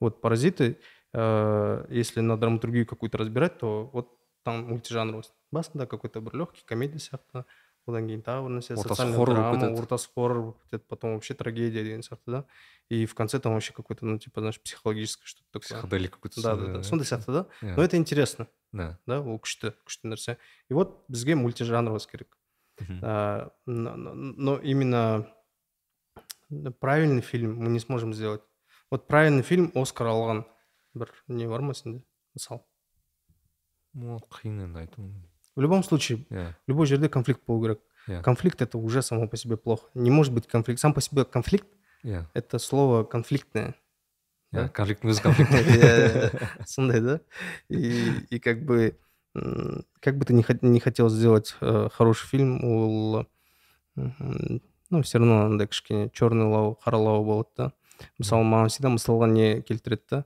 жоқ о- ондай емес э, неде ссср кезінде көптеген күшті комедиялар болған шығар может комедия болған күшті анау мынау дейді да я говорю ну хорошо давай разберем там типа м, э, который когда попадает в аэропорт барады да и м, иә Ас- иә Пит- аха. питердің орнына москваға келе ма сондай Мгм, как-то мгм, с лег- э, нет с легким бірнәрсе с легким бір аяқ- да, атын ұмытып қалдым короче иә ну да конфликт на чем конфликт на том что он набухался и перепутал рейс иә да шурик Шурик. конфликт в чем он набухался и, и короче да там девчонку украл да Н- ну типа там и все же тоже на таком черном да там типа а не, э, Ш- шурик там басқаша еді конфликт ну короче кавказская пленница Кавказ болсын пленница, потом анау операция кім еді ы ғой, болсын. э, кім еді иван царевич менять профессию ме еді Да. қайсы еді? тоже много же везде анда арақ арақ болып жатыр да короче бай- совет Конфликт. студент болсам көбінесе ішеді мхм бірнәрсені шатастырады да и вот конфликт короче М, да да готовый- да готовый формула ғой былай қарасаң. М, да сондай сияқты да и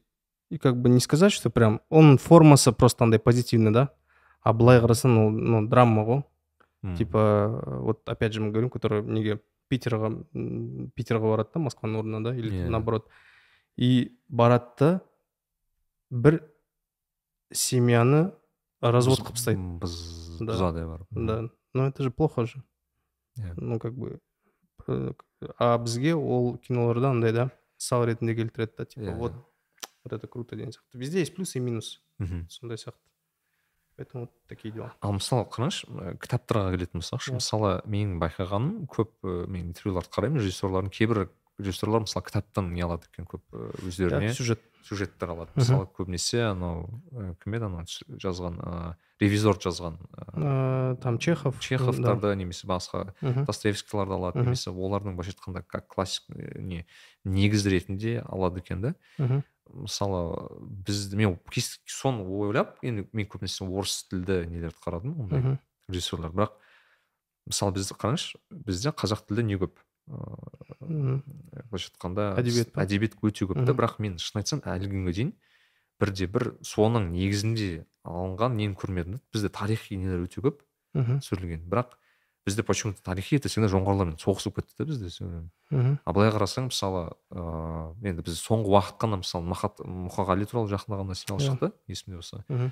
ыыы ахмет байтұрсынов ахмет туралы байтұрсынов сол туралы фильм шықты. Ахмет байтұрсынов ұлт ұлт ұстазы деген. ұстаз деген Иә. соны мен, мен білетін осы екі ақ ғана сериал бар. И үшінші мүмкін мұстафа шоқай туралы фильм бар есімде болса шоқай деп аталатын.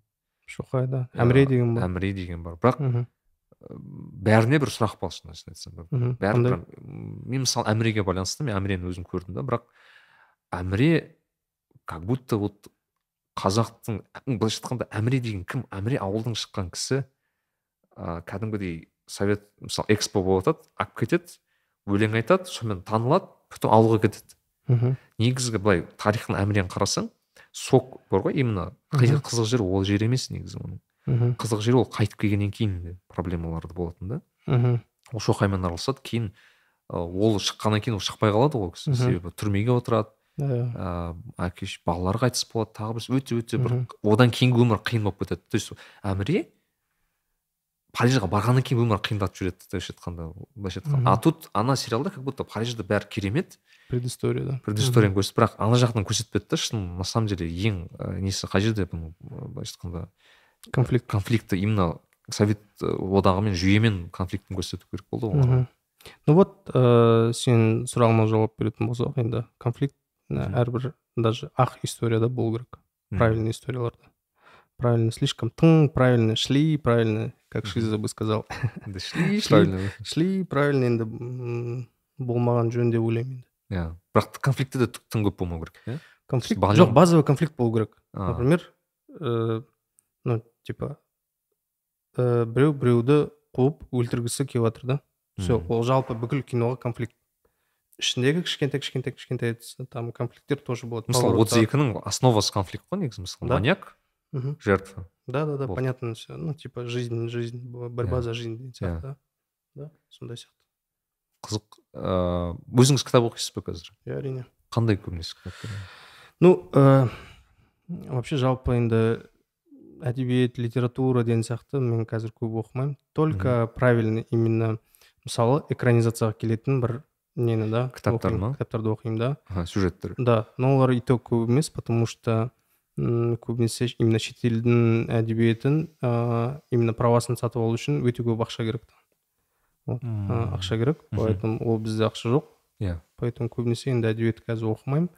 Ә, жалпы енді келесі жылды ә, уақыт бөлейін деп жатырмын бүкіл қазақ әдебиетін оқып соның ішінен бір историялар тауып соны ә, экранизация істейін деп жатырмын алла қаласа. О машалла. Бірақ ол жақта мен шынымен көп сияқты да қазбаласаң негізі иә иә иә. Но бірақ все равно бізде автор именно әдебиетте тоже автор кішкене аздау именно бір ә, оқиғаларды шығарып там маған почему то бірінші очередь мүсірепов келіп жатыр мүсірепов да ұлпан. мхм мхм мысалы.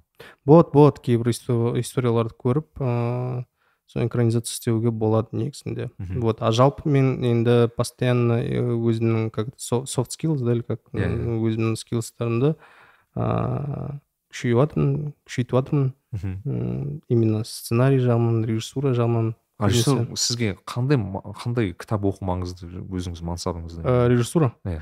Ә, ну режиссура негізінде академический кітаптар өте көп. Мысалы не туралы?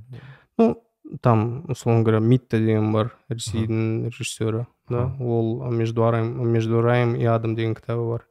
А, больше академический именно режиссерларға арналған бір кітаптар бар Мм. да. Там ағылшын тілінде өте көп кітаптар бар литературада. Например ағылшын академический кітаптар бар. Университетте там UCLA-де сабақ беретін кітаптар. Иә. Мен сол неде UCLA сайтын ашамын и сол жақтағы әдебиетті оқисыз? Қандай әдебиет бар ол жерде? Қандай әдебиет сізде ондай жоқ па бір мысалы тоже USLA-ға өзіңіз түсуге?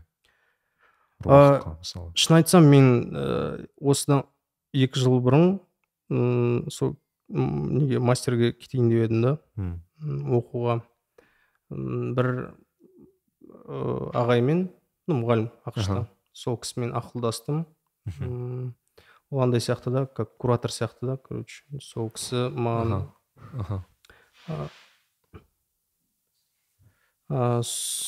сол кісі м, сол кісімен хабарласып айттым да вот осындай да осындай түсейін деп жатырмын деп ше. Иә.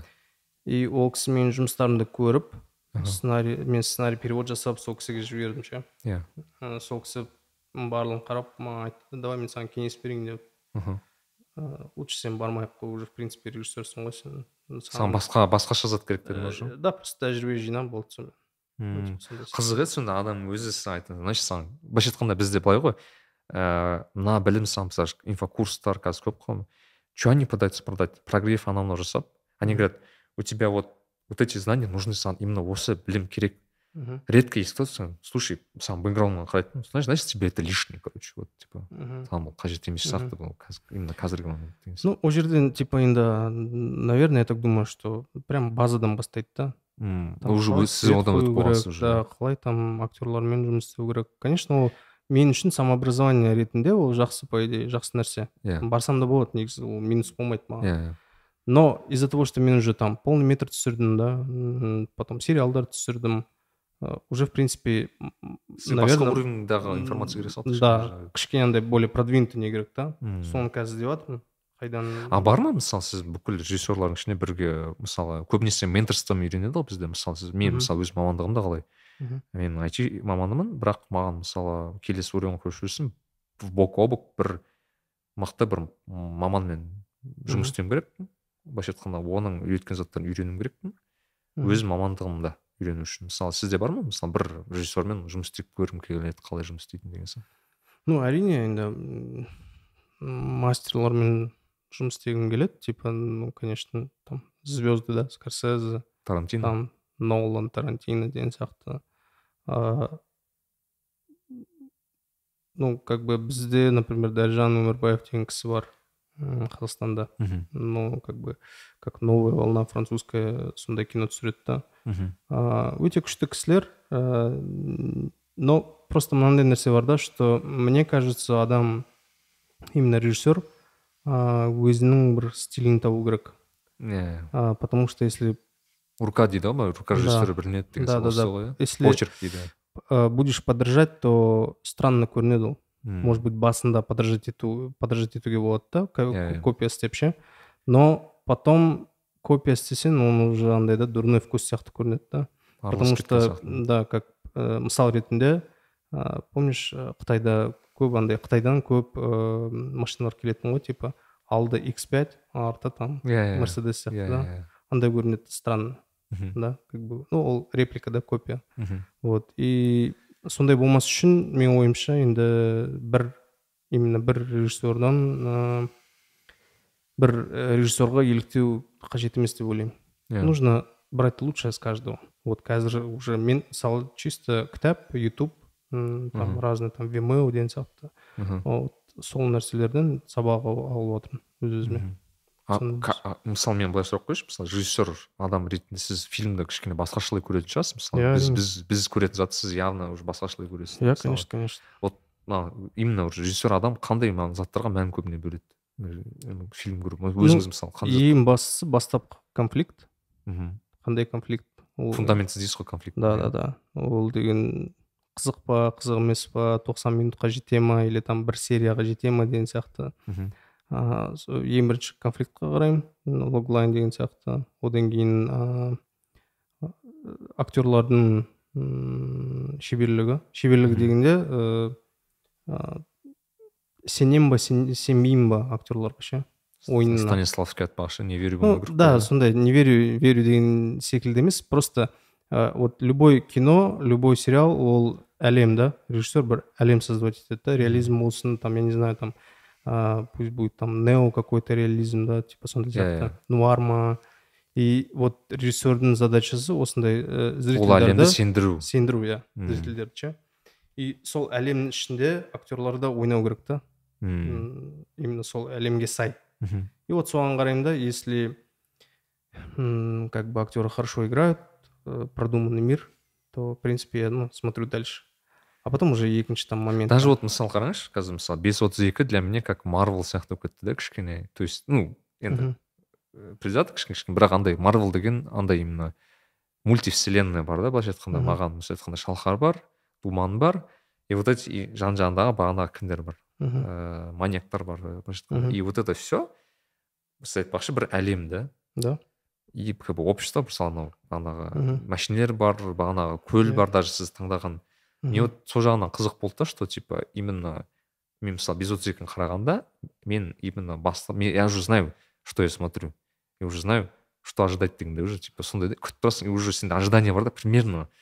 Андай төртінші болады. серияда мынандай болады деген сияқты. мхм, даже вот мысалы анау мен просто күлкі болды с- думанды өлтірген серия болды ғой. Мхм, сол кезде мен оны көрмедім да сол анау назим деген досым.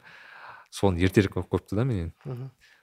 Сөйлесіп звондау керек болған сөйтсем маған алишер не істеді мынау не болды мынау деп маған да да да деп әбден айтқаны бар соны күлгім келді да соны адам до сих пор настолько сол әлемге еніп кеткен мхм. уже шығу қиын болып қалады. Бірақ мысалы сіз андай бола ма? Бір бір фильм бар екінші фильм бар екі түрлі әлем да. Мхм. мысалы сержан братанның бір әлем мына жақта бір әлем. Бірақ сіз бола ма андай бір? Бір әлемді жалғастырғым келеді деген сияқты то есть бір сторилайнды Мгм. ыыы, Я, конечно, болады. Просто, например, вот Сержан Братан, да, тоже продолжение. Блин, бір мың адам жазған шығар. иә Давайте істейік. маған сразу почему то сержан братан көргеннен кейін маған жас сержан жылдары, өмірі Да, прикол, прикол. кетті иә. Сиквел, приквел болсын, в общем, история до, де- до самой истории деген Иә, сияқты, иә. да, типа разные варианты есть. Можно и продолжение сделать. это как можно и- анау лорд оф рингс пен хоббит иә сияқты да иә иә сондай сияқты да М, просто ол жерде біз тоқсаныншы жылдар кішкене опасно романтизация болып қазір жастар сол қазір бригада сияқты өтпесін деген сондай сияқты да вот и поэтому как бы не стали в эту сторону делать направление а так конечно можно сделать это там наверное в пять этом секунд. мысалы мен ойлайтынмын бұрында успех той же бригада немесе бағанағы рэкетир Мгм.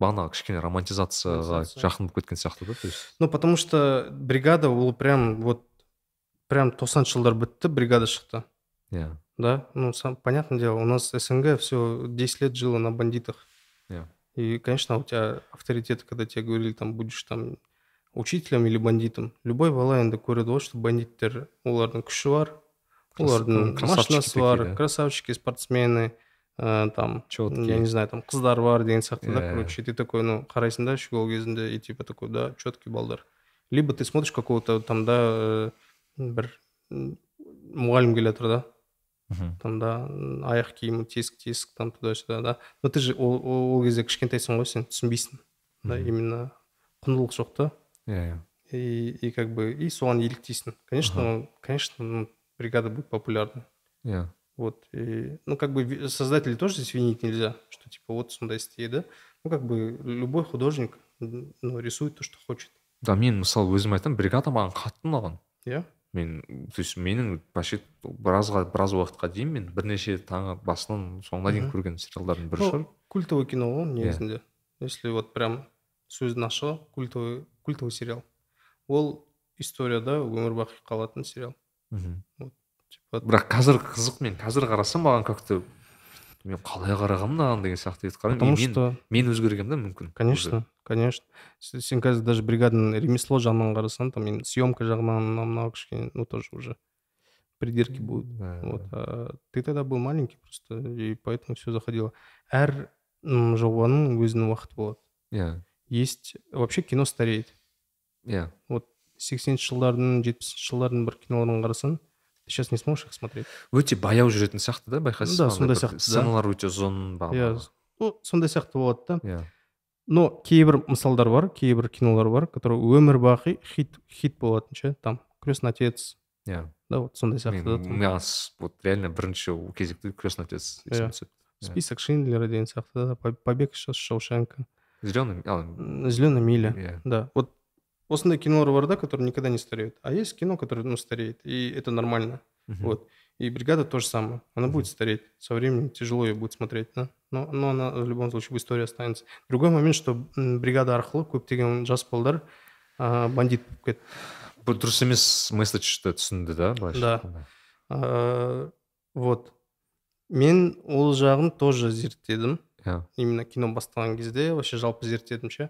Қалай кино сериал адамдарға әсер етеді деп ше. Иә. Много что прочитал но именно наука жағынан таба алмадым да нақты бір жауап. Дәлел жоқ ол жерде дәлел жоқ да. Мысалы мынандай не болады да нетфликсте соцопрос болатын. Мхм м, типа адамдар көп сериал қараса иә. жалпы қандай не болады симптом да типа вот вот там күніне алты сағат қараса нетфликсте не болады М, там типа мынандай не нәрсе шықты да что а, адамдарда м, не болады бессонница болады дейді мхм Мгм, вот но оған дәлел тоже жоқ потому что ә, сол соцопрос өткен адамдардың там біреуінде ә, семьямен конфликт болды екіншісінде жұмыста бір стресс болған да и Мм. не докажет что именно от netflix типа сондай прямой сияқты. бір связь Да, связь жоқ та. иә иә и вот м, көптеген нелерді мақалаларды оқыдым ну таба алмадым осыған жауап ше ну и с другой стороны тоже да например қазір вот тоғызыншы май болып жатыр иә қазір телевизорда каждый Соғыс канал туралы көп. соғыс туралы көрсетіп жатыр да Иә. из-за этого же мы же не пойдем воевать да да как бы а, әрбір адамда да с- не болу керек өзінің бір м, самосознание сондай да бір не болу керек если адам ішінде деструктивный болса сериалсыз киносыз өзі бір нәрсе жаман нәрсе кажется істейді. даже андай сияқты адамда изначально деструктивный бір ойлар болса ол деструктивті жоқ жерден да деструктив тауып алады конечно мысалы бес отыз екіні көрген жігіт и так бір конфликтный жігіт болса ол как будто е нормальный екен ғой деген сияқты. Конечно конечно. Табады э, в любом случае это не обязательно без отсека там хоть любой фильм даже марвелді қараса е мое там же тоже ну, сколько там да насилия иә Везде можно найти эту проблему, потом можно хоть куда это так біз- накинуть. это если так концептуально смотреть э, мысалы джеки чанның э, Насилие, конечно. таза насилие фильм ғой Конечно, былай но қарасаң. біз өсіп, ну, как бы барып далада там біз адамдар наоборот нормально вот смотрите вот удивительно біз мы же наоборот начали спортом заниматься Да. джеки чаннан кейін Да, да, да. Или там друг на друге приемы показывают деген сияқты, Да, да. да, да. Ну, как бы да, но просто самосознание должно быть, когда это игра, когда это там типа какие-то плохие вещи. Вот, и бес отыз екі например шыққан кезде ол реально адамдарға бір шок болатын да Да. потому что олар до этого ондай true контент көрмеген енді а, как бы и бірінші рет көріп жатыр да и они не знают как это есть мне кажется бір қанды көргеннің өзінде бүйтіп кішкене Конечно, я, я всегда говорю, что мен, например, бес отыз екі түсірген кезде мынандай проблема болатын да что адамдар кадрда қалай өлуді білмейді потому что ешқашан вообще кадрда өлмеген иә и он играет и это неправда И мы отрабатывали постоянно.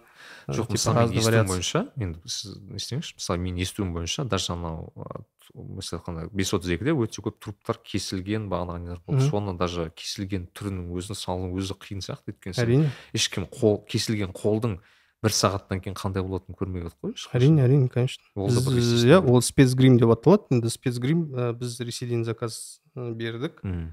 Ә, бір где то үш төрт ай бұрын съемкаға оны заказ бердік. И прям съемкаға тақылған кезде уже бірінші күн түсірдік. Екінші күні уже бізде спецгрим болу керек та. И азында алматыға ұшып келді сол спецгрим. Үш ай төрт ай жүрді ресейде.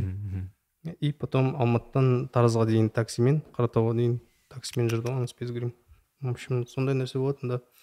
Қиын қиын потому что жанровый кино бізде аз. иә көбінесе енді комедия исторический и осындай кино түсірсең адамдар енді кішкене шок болады деген сияқты вот и ә, біздер негізі халық кішкене андай қабылдайды да что типа манеки манеки деп ше М, олар қарамайды да что это честный полицейский который делает милицейский который делает свою работу да и это же о полицейском которому его служба испортила жизнь вот он мен спас другие мені жизни мені вот э, көрген кезде мен соны байқадым мен мысалы бір достарыммен сөйлесем бес отыз екіні талқылаған кезде көбінесе маньяктарды тастап жатады мен айтамын маньяк емес сен мысалы дума мен шалқарды ғой негізі бұл жердегі главный герой иә. шалқардың өмірі енді былайша айтқанда быт болды ғой анау то есть бәрінен айырылды Конечно, дегендей мысалы. трагедия, драма, да. И адамдар соны байқамайды да, но, но именно идут туда, где, ну, более шоковые. мясо Да. Потом өздері солай солай келтіреді да сөйлеген кезде там бір бірімен ше иә маньяк маньяк дейді нет это история о полицейском который а, по сути собой пожертвовал и помог да ну кейде мысалы мен андай соны түсіндім да мен көріп біттім мен ойланып отырмын сол кезде бір тоже осындай ой келді да яғни бұл негізгі мен мен не көрдім. Мен бағанағы шалқардың өзінің өмірінің құнымен адамдарды құтқарды бірақ өзі соңында өте ащы дәмін сезді да осы Мгм. құнның былайша айтқанда. Мгм. мен соны сездім. Бірақ бірақ ә, ол қандай жағдай болмасын сен үміт үзбеуің керексің деген иә иә әрине конечно. И ә, сериал шыққаннан кейін өте көп полиция қызметкерлері маған жекеге жазды да респект. Жекеге былай көріп мен бір күні немен келе жатырмын да. Ә, светофордан өтіп келе жатырмын да и бір патрулька тоқтайды. Андай тоқтады да спецсигналмен тоқтауға болмайды ғой автобустар спецсигналмен тоқтайды. Екі не екі жігіт шығады да ассалаумағалейкум то все рахмет анау мынау дейді да короче күшті вообще блин анау мынау то все дейді я говорю все все жігіттер давай бара беріңдер қазір штраф штраф не істейді сендерге давайте бара беріңдер все они уехали. Потом өте көп следователь оперативниктер жазды маған. Потом ә, бір ә, генералдардың бір несі болды ну митинг да. И сол кезде маған вот конкретно айтты что ә, бізде генералдар енді мақтады да что наконец то именно милиция полиция жайында бір жақсы бір серьезно нені шығарды да. Иә следовательдердің иә өте қиын кезеңдер ғой тоқсаныншы жылдар. Наконец то что то трушное где полицейских милицейских не выставляют клоунами деген сияқты иә. Сондай сөздер болды да. Өйткені ана бір шын айтқанда көбінесе да даже вот термин бар ғой bad police бad police то есть хороший полицейский плохой полицейский деп бөліп тастаған мысалы бірақ енді шын айтқанда плохой хороший деген бөлінбейді ғой мысалы просто полицейский өмір сондай. Да өмір сондай плюс ну типа представляете да тоқсаныншы жылдар мысалы бір следователь маған осындай историяны айтты да что бір звонок келеді типа там не знаю сейфуллина абая да бір киоскті прессовать етіп жатыр да бандиттер иә типа там счетчик анау мынау типа рэкет да и мынау оперативник сол жерге жаяу барады потому что машина жоқ ну да представь и ол говорит мен бір жарым сағат просто пешком барамын мына жерге пешком барамын келемін арыз жазады анау мынау и бандиты келеді там на бмв анау мынау короче сондаймен немен жүреді да потом могут тебе там возле подъезда и уже дали типа не сондай батырсың ба анау мынау типа ну давай посмотрим там сейчас присанем из твою семью деген сияқты и и сол кісі тастамады да соған қарамай иә переехал дальше работал деген сияқты вот как бы ондай кісілер өте көп қазақстанда да честный жақсы өзінің жұмысын адал істеген кісілер Адал следовательдер ә, там оперативниктер өте көп да они в тени.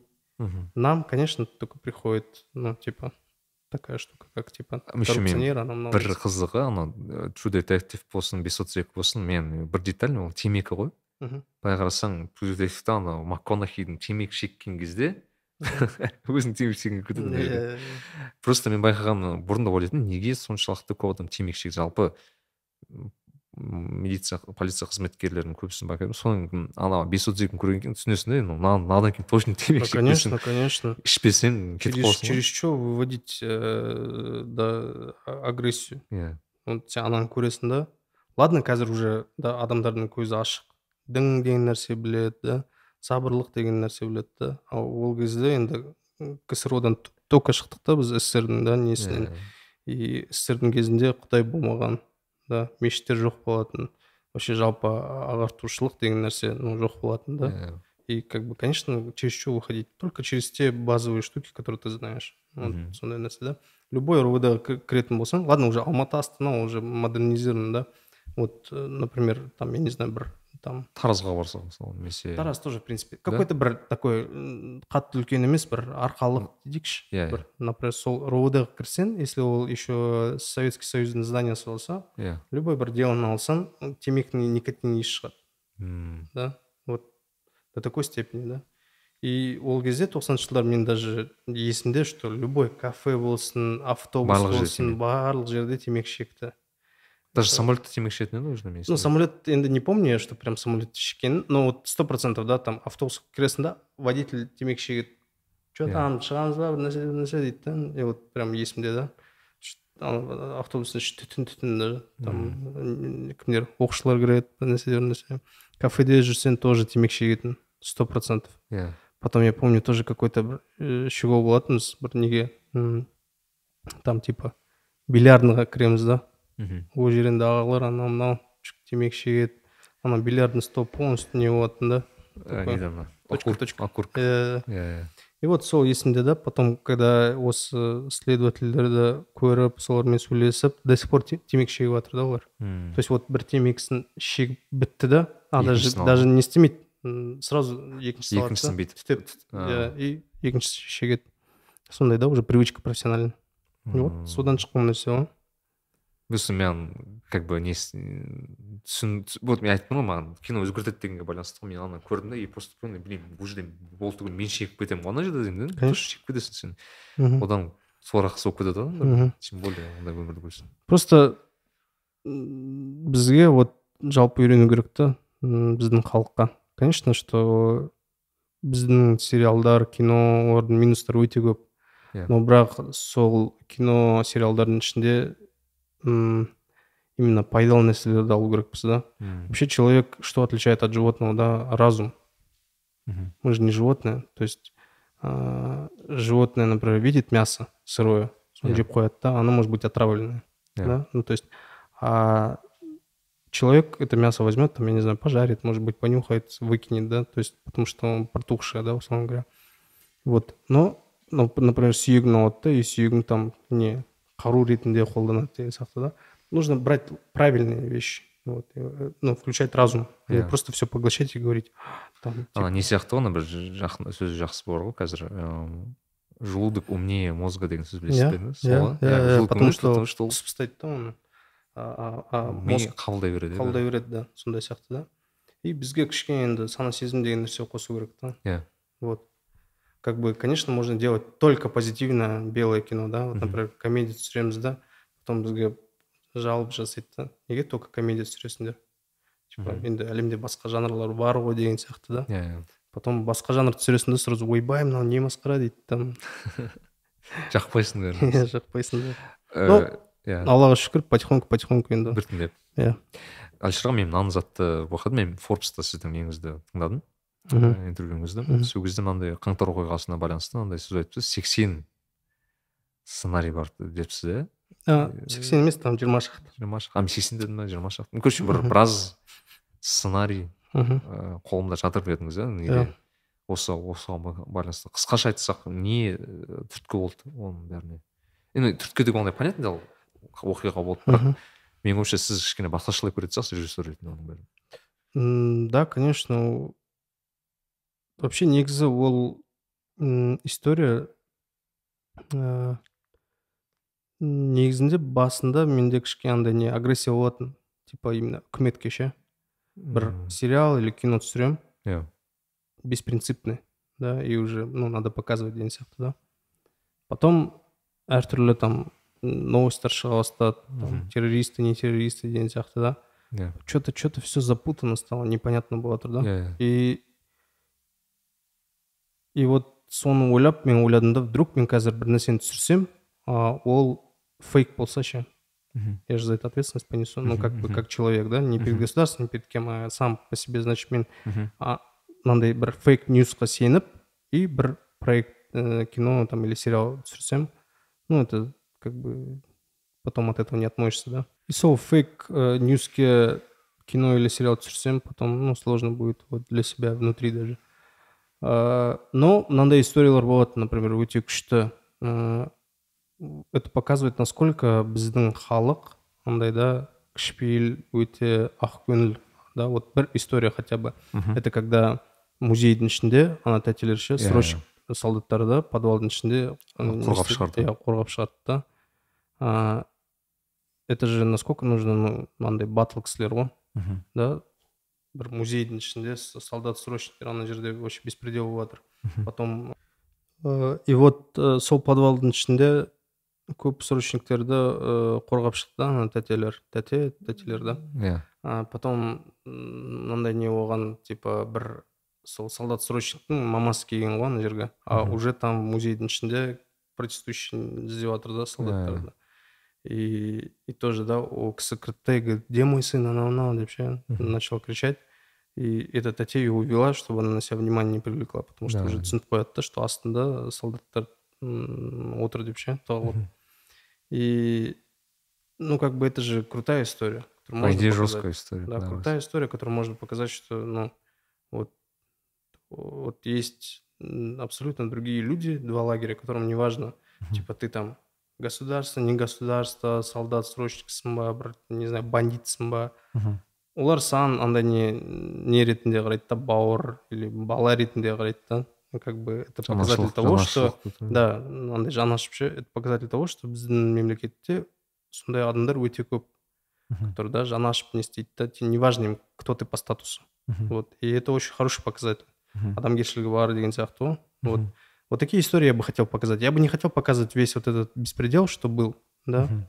я бы хотел показать именно отраженную реакцию что происходило у- Мгм. у обычных людей сіз айтпақшы конфликт бар ғой бұл жерде тоже конечно бар потом мынандай история бар именно площадьтың қасында андай пятиэтажка девятиэтажкалар бар да иә и ә, ол жерде именно ә, сол не басталған кезде м, көтеріліс дейміз ба не дейміз ба ну вот сол басталған кезде ә, бір кісі неге кетіп қалды?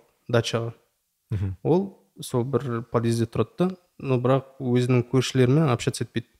Коммуникейшн Мм. нету короче. И ол дачаға кетіп қалады. Иә. дачаға кетіп қалады сол жерде тұрады типа пережду все эти события.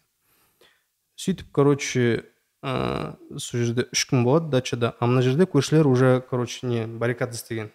Ыыы нелерді? Песок анау мынау мешоктардың ішінде ше. Соны құм салып и ағаштармен тұрған ғой чтобы протестующий там ну всякие там эти как мародеры короче не зашли. Прорвались короче. Да. и өзінің подъездерін қорғаған да. Иә. Вот. Сөйтіп ә, ана мародерлар уже дачаларға кетті да. Дача ма неге секторларға ше. И ана кісі қарайды да уже на даче небезопасно. Думает лучше мен неге квартираға барайыншы Иә. и квартираға барған кезде ана подъездің алдында тұрады да, баррикада тұрады құм несінен. Соны кірейін десе короче көршілер оны ұрады. потому что көршімен Танымайды. да танымайды Иә. коммуникейшн жоқ Иә, вот иә, И это же крутой показатель что көршімен енді андай да көрші туыстан да жақын да иә. Сол- құрғақ қалады не істейді да деген да да сияқты. и вот сондай историялар өте көп та м, который такой ну такой бытовой интересный да и оның бір несі бар да ну, какой-то бір тәрбиесі бар что вот Мгм. э, если даже будет какой-то да там я не знаю там условно говоря типа конца света Иә. вот сенің ең жақын кісі саған ең жақын кісі Ол сенің көршің иә иә. да да. Вот сондай нәрсе. Сондай сияқты историялар вообще негізі өте негативті э, болған енді трагедия мен үшін трагедия деп есептеймін. Конечно. бұл қаншама екі жүз қаншама мен ойша бес жүзге шамам адам қайтыс болды. Иә. соның өзінде осындай бір позитивті ыыы Да. нелер табу керек сияқты да. Да, конечно, потому что ол деген қарапайым халық. И как бы сондай историялар тоже болу керек да потому что конечно вот м- а- а- айтып жатырмын ғой мен басында что агрессия болған да. Я хотел прям снять вот такое трагичное да все это показать как в оно есть. красках дейді да как айтқанда. оно есть да. Но с другой стороны вот такие светлые пятна мне кажется надо искать.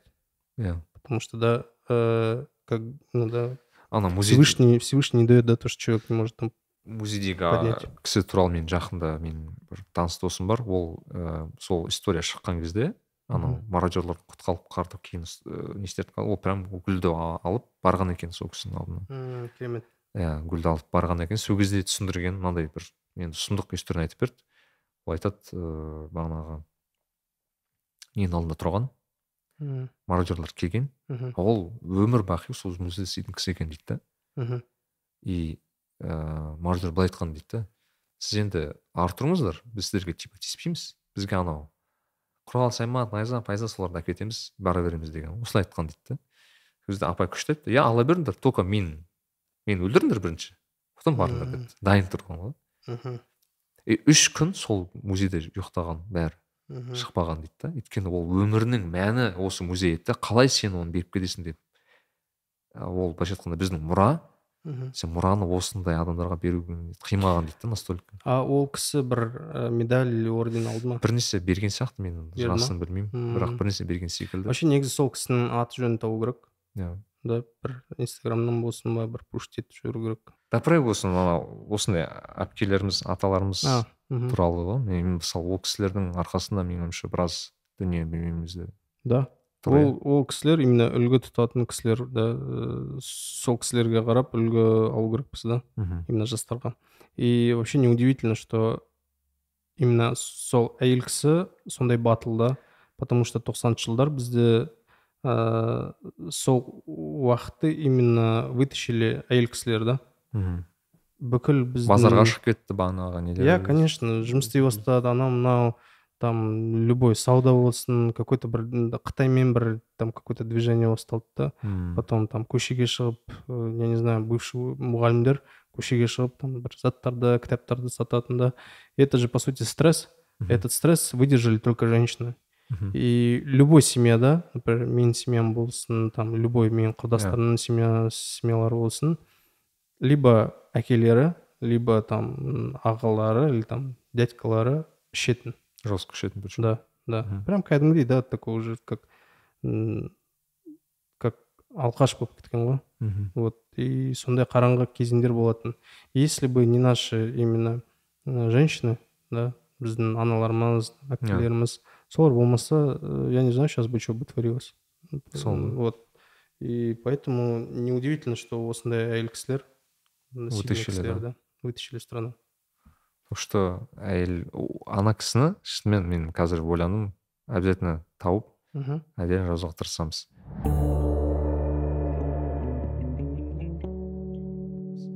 ыыы көп рахмет. Сіз осында келіп бізге осынша қызық енді маған шын айтсам өте қызық болды. Мен анау өзім айтайын мысалы мынау і сізді енді мен шын айтсам ең алғаш сол сержан братанның кезінен көрдім. Бірақ ол кезде кішкене сержан братан бір қызық болып көрінді. Да кейін бес отыз екі көрген кезде мен точно мына кісімен мен сөйлесуім керекпін жеке деп. Сол кезде сол алла нәсіп етіпті. Ыыы неге? Кітапта жүресіз бе? О.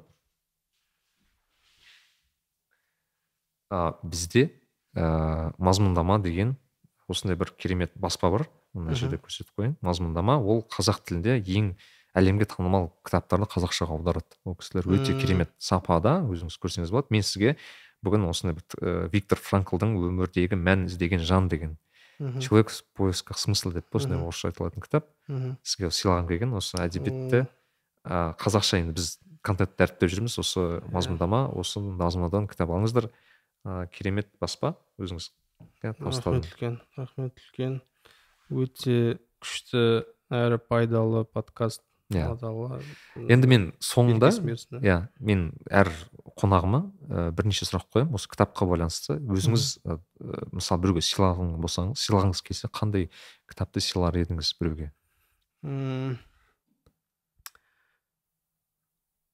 Вот мысалы мен қазір осы нені кітап десем кітап емес шығар енді но м, кітап ретінде айтайын может быть ол кішкене андай клише ретінде көрінетін сияқты болса көрінсін но бірақ все таки абайдың қара сөздері мм өйткені мысалы кішкентай кезде абайдың қара сөздерін оқисың да? Дым түсінбейсің да просто как андай да мектептің бір несі тапсырма ретінде оны қарайсың да? Потом уақыт өте келе мысалы мен университетте оқыған кезде сол да абайдың қара сөздерін сол абайдың қайта оқыдыңыз қайта оқыдым да соның ішінен бір где то он шақты қара сөздер мен прям жүрегіме тиді да. Мен уже кішкене есейдім кішкене қарадым да. Ә, и ойладым да насколько өте әсерлі сөздер да. Олар екі жүз жылдан бері уже бізге енді әсерін тигізіп жатыр да жүз елу жыл болсын да типа. Ә, и бір жыл екі жыл бұрын тағы оқыдым да абайдың қара сөздерін. Мхм. и уже бүкіл қара сөздер маған жүрегіме тиіп жатыр да. Иә. Вот есейген сайын кішкене не болып жатыр мхм. жүрекке тиіп жатыр ә, міндетті түрде абайдың қара сөздерін оқу керек. Ол жерден бір м, өз өзіме бір ә, сабақ алу керекпіз да.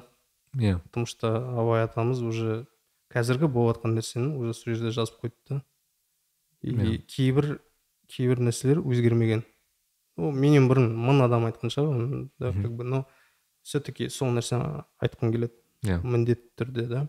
Ә, екінші именно әдебиет әдебиет жағынан наверное жестокий век исай калашников мхм. вот. Менің ойымша именно әдебиет ретінде бір интертеймент жағынан енді оқуға болады деп ойлаймын. Жестокий век ол не шыңғысхан туралы ғой мен естідім да да да. Вот жестокий век.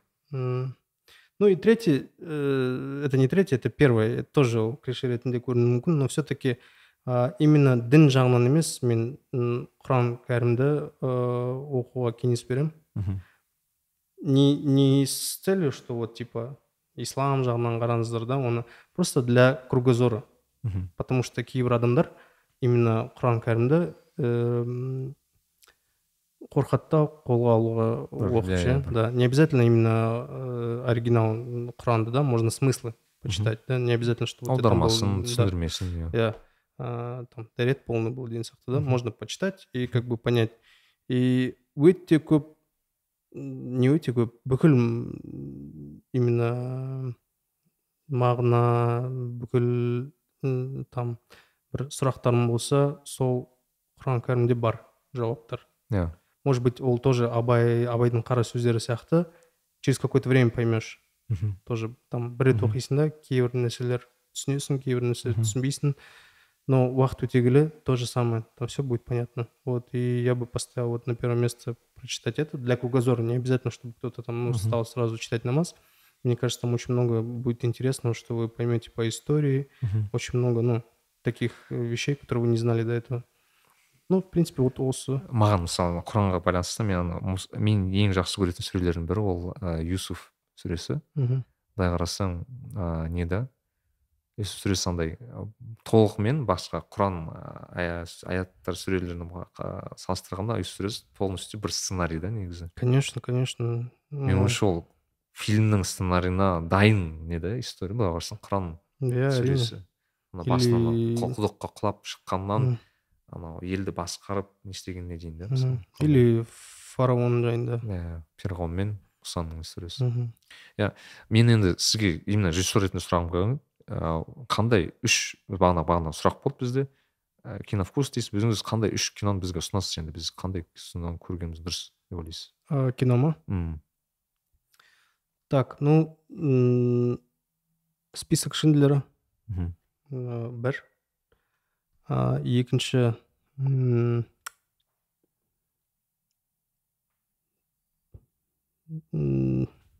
более такой жастарға бір жақынырақ болатын шығар деп ойлаймын. Ол вавилон инерита мхм. Ескі фильм ба ол екі мың бес па екі мың алты ма сондай.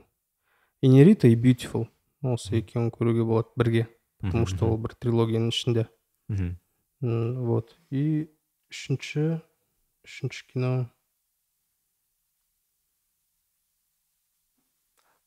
Үшінші кино. Алишер утевтің әлі түсірмеген киносын десең да да да. Давайте бір қазақша кино айтайық? Қазақша кино? Именно а подарок сталину біздің кім түсірген? Ол ыыы, кім? Рүстем абдрашев деген кісі. Естіп едім бірақ көрмеппін. Подарок сталину деген өте күшті. Менің ойымша қазақстанда топтың м, топтың үштігіне кіреді деп ойлаймын. А қандай топ қалған екеуі қандай? А, қалған екеуі мен атым қожа деп ә, не істеуге болады? Ол потому что классика база Иә. база енгізуге болады оны да. Ну и м, қыз жібек қыз жібек наверное уже олдскульно ол Иә. как бы да мхм ол как бы андай да фундамент да А, Мгм. такой типа вот маған часто сұрақ қояды да особенно бесутсиктен кейін вот снг-ның адамдары жазады да маған Иә. не көрсем болады қазақстанда иә и ол өте үлкен андай не ғой ыыы тяжесть сен қазір бір киноны дұрыс емес айтып жүрсең да ол бір бәрі кеңес солай деп берсең и Иә. потом ыыы айнып кетеді да оның именно қазақи неге киноиндустрияға қарайтын желаниесі болмайды поэтому такое большое типа давление. Мен сөйтіп ойлаймын да и маған айтады да типа бір пост шығармайсыз ба бір кино қандай қазақи там киноларды көруге болады деп ше и я такой типа вот не знаю. Но э, я бы тоже наверное посоветовал рекетир. Потому Иә. что Ол- жақсы түсірілген ғой иә ол кинода не бар атмосфера бар менің ойымша бұл кино именно рекетир Мхм. там отыз жылдан кейін елу жылдан кейін ол ыыы қартаймайды деп ойлаймын. Иә. Потому что ішінде бір какой то атмосферасы бар да ну как бы так получилось. Да вот. А сіз оны несін ә, арнайы жасадыңыз ба? Рекетердағы ана сержан бартандағы иә конечно. Конечно конечно. Отсылка ма? Референс ол ә, амаш амаш деген амаш то есть прям как, как будто бы к- один в один копировать кадр хотелось, да? кадрмен да бірге кадр кадрмен да но потом ломаем по-своему М. там же это же было что это как бы а, якобы клиффхенгер что главный герой ө- өліп қалады деген сияқты да иә на самом деле ол кино түсіріп жатыр да и типа и, и режиссер өз өзін гениальный деп санайды да ну уже бар сахнаны түсіріп жатыр да прям плагиат и типа говорит гениально гениально да, бір нәрсе бір нәрсе деп ше. не ол Тупая именно сол амаш. сцена это какой то респект да вот я так да понял конечно конечно ну потому Кімге что байланысты? ә, менің ойымша коммерческий кино именно рэкеттерден басталды деп айтсақ болады Ну, по идее да Да. енді одан кейін ғана да Шын одан кейін там бастады. уже действительно ну как бы расцвет это рэкетир М, потом коммерческое кино там келинка сабин анау мынау комеди- комедиялар басталды маған почему то еще сказ о розовом зайце сказ о розовом зайце тоже да. Керемет түскен негізі маған. мен қазір есіме түсіп отыр да? Сказ о розовом зайце да. Ең бірінші сериалдардың бірі почему то маған ана ағайындылар есіме түсіп отыр ағайындылар да? Я тоже согласен потому что ол ә, мен ағайындылар тоже бір түннің ішінде көріп тастадым да. Вот бастадым кешке ә, азында почему так ағайындылар залетели атмосфера. потому что ол воссоздали да? бізге жақында к- ты, ты смотришь тебе приятно и Мгм. такой ты знаешь типа охота смотреть иә вот э, и в рэкетире то же самое я считаю Мгм. что э, уахан сатаева ну, э, рэкетир ағайындылар атмосферасы өте күшті любой киноның конфликт и атмосфера Ну, типа вот я забыл добавить в прошлый раз Мгм. да что э, атмосфера очень важна мхм. вот қарайсың да и сенесің атмосфера арқылы сен осы киноға сенесің мхм иә керемет. Енді Сол. үшінші сұрағым бұл соңғы сұрақ осы подкасттың ол андай кішкене фантазия кірген сізде ол жететін сияқты. В общем сұрақ мынандай сізде алматыда ең үлкен билборд бар деп есептейік алматыда. Я не знаю вот әл фарабидің бойында абайдың бойында ең үлкен билборд бірнеше билборд бар сіздікі кез келген зат қоя аласыз ол жерге. Месседж сурет инстаграм аккаунт я не знаю кез келген затты қоя аласыз да ол жерге. Бір қандай өзіңіз бір месседж қояр едіңіз сол жерге? я бы такой отр- отрезвляющий э, месседж бы сделал что смерть это истина М. и мне кажется көптеген күнәлардан м, құтқаруға болады адамдарды мхм если сондай нәрсе көрсе ну представь у тебя на полгорода там билборд алматыда да и как бы сол ұғыммен негізі есею керек кішкентай кезінен бастап ше. қорықпау керек одан негізі да конечно біздер ну м, біздер көбінесе қорқ- қорқытады да м, именно өлімнен ше мысалы даже мен ойладым да бес отыз екіні қарап отырып тіпті ыыы мен бір ойымды ұстап алдым да по идее біз былай да былай да білеміз ғой былай қарасақ. Просто мысалы мына жігіттер бір бір мақсатпен кетті деген сияқты бір ой пайда болды. Сөз барысыңыз айтпақшы шынымен. Да да. И э, мен тоже ойлаймын да всегда когда там бір сын жазған кезде бір нәрсе бір нәрсе деп ше мен всегда өзімнің именно любой проект бастаған кезде ниетімді вспоминать етемін да М, қандай ниетім болды осындай да осындай ага дүзі ниетім болды я всегда фиксирую свой ниет всегда перед каждым делом и потом мынандай еще нәрсе бар да что если бы э, Всевышний Алла Тағала не хотел бы чтобы это э, стало известным значит бұл солай болар еді иә так бы и было. Он бы прошел незаметно и так далее. Раз Аллах Таала дал это направление, ну, то есть дал э, вот, да, все, все, у нас же предопределено все, да, с Мгм, точки мгм. зрения, ну, типа религии. Мгм. Э, И как бы Аллах Таала берсе, значит, есть в этом к- какая-то, ну, м, что, о чем нужно задуматься. иә Вот сондай сияқты. Просто Мгм. нужно там искать именно правильные вещи какие-то. мхм мхм мен есіме почему то түсіп кетті ана сержан братандағы анау момент бар ғой ана комментарий жазып анау ұратын ба? Жоқ ұрғаннан бір ана бір. Әйелдің есігінен қағып. Иә, иә. сол сол есіме мен просто кейін ана өзімді кейін комментарийларды оқыған кезде ойлаймын да осы серияны бір адамға көрсету керек сияқты. иә иә типа бізде вот тоже это это напоминание.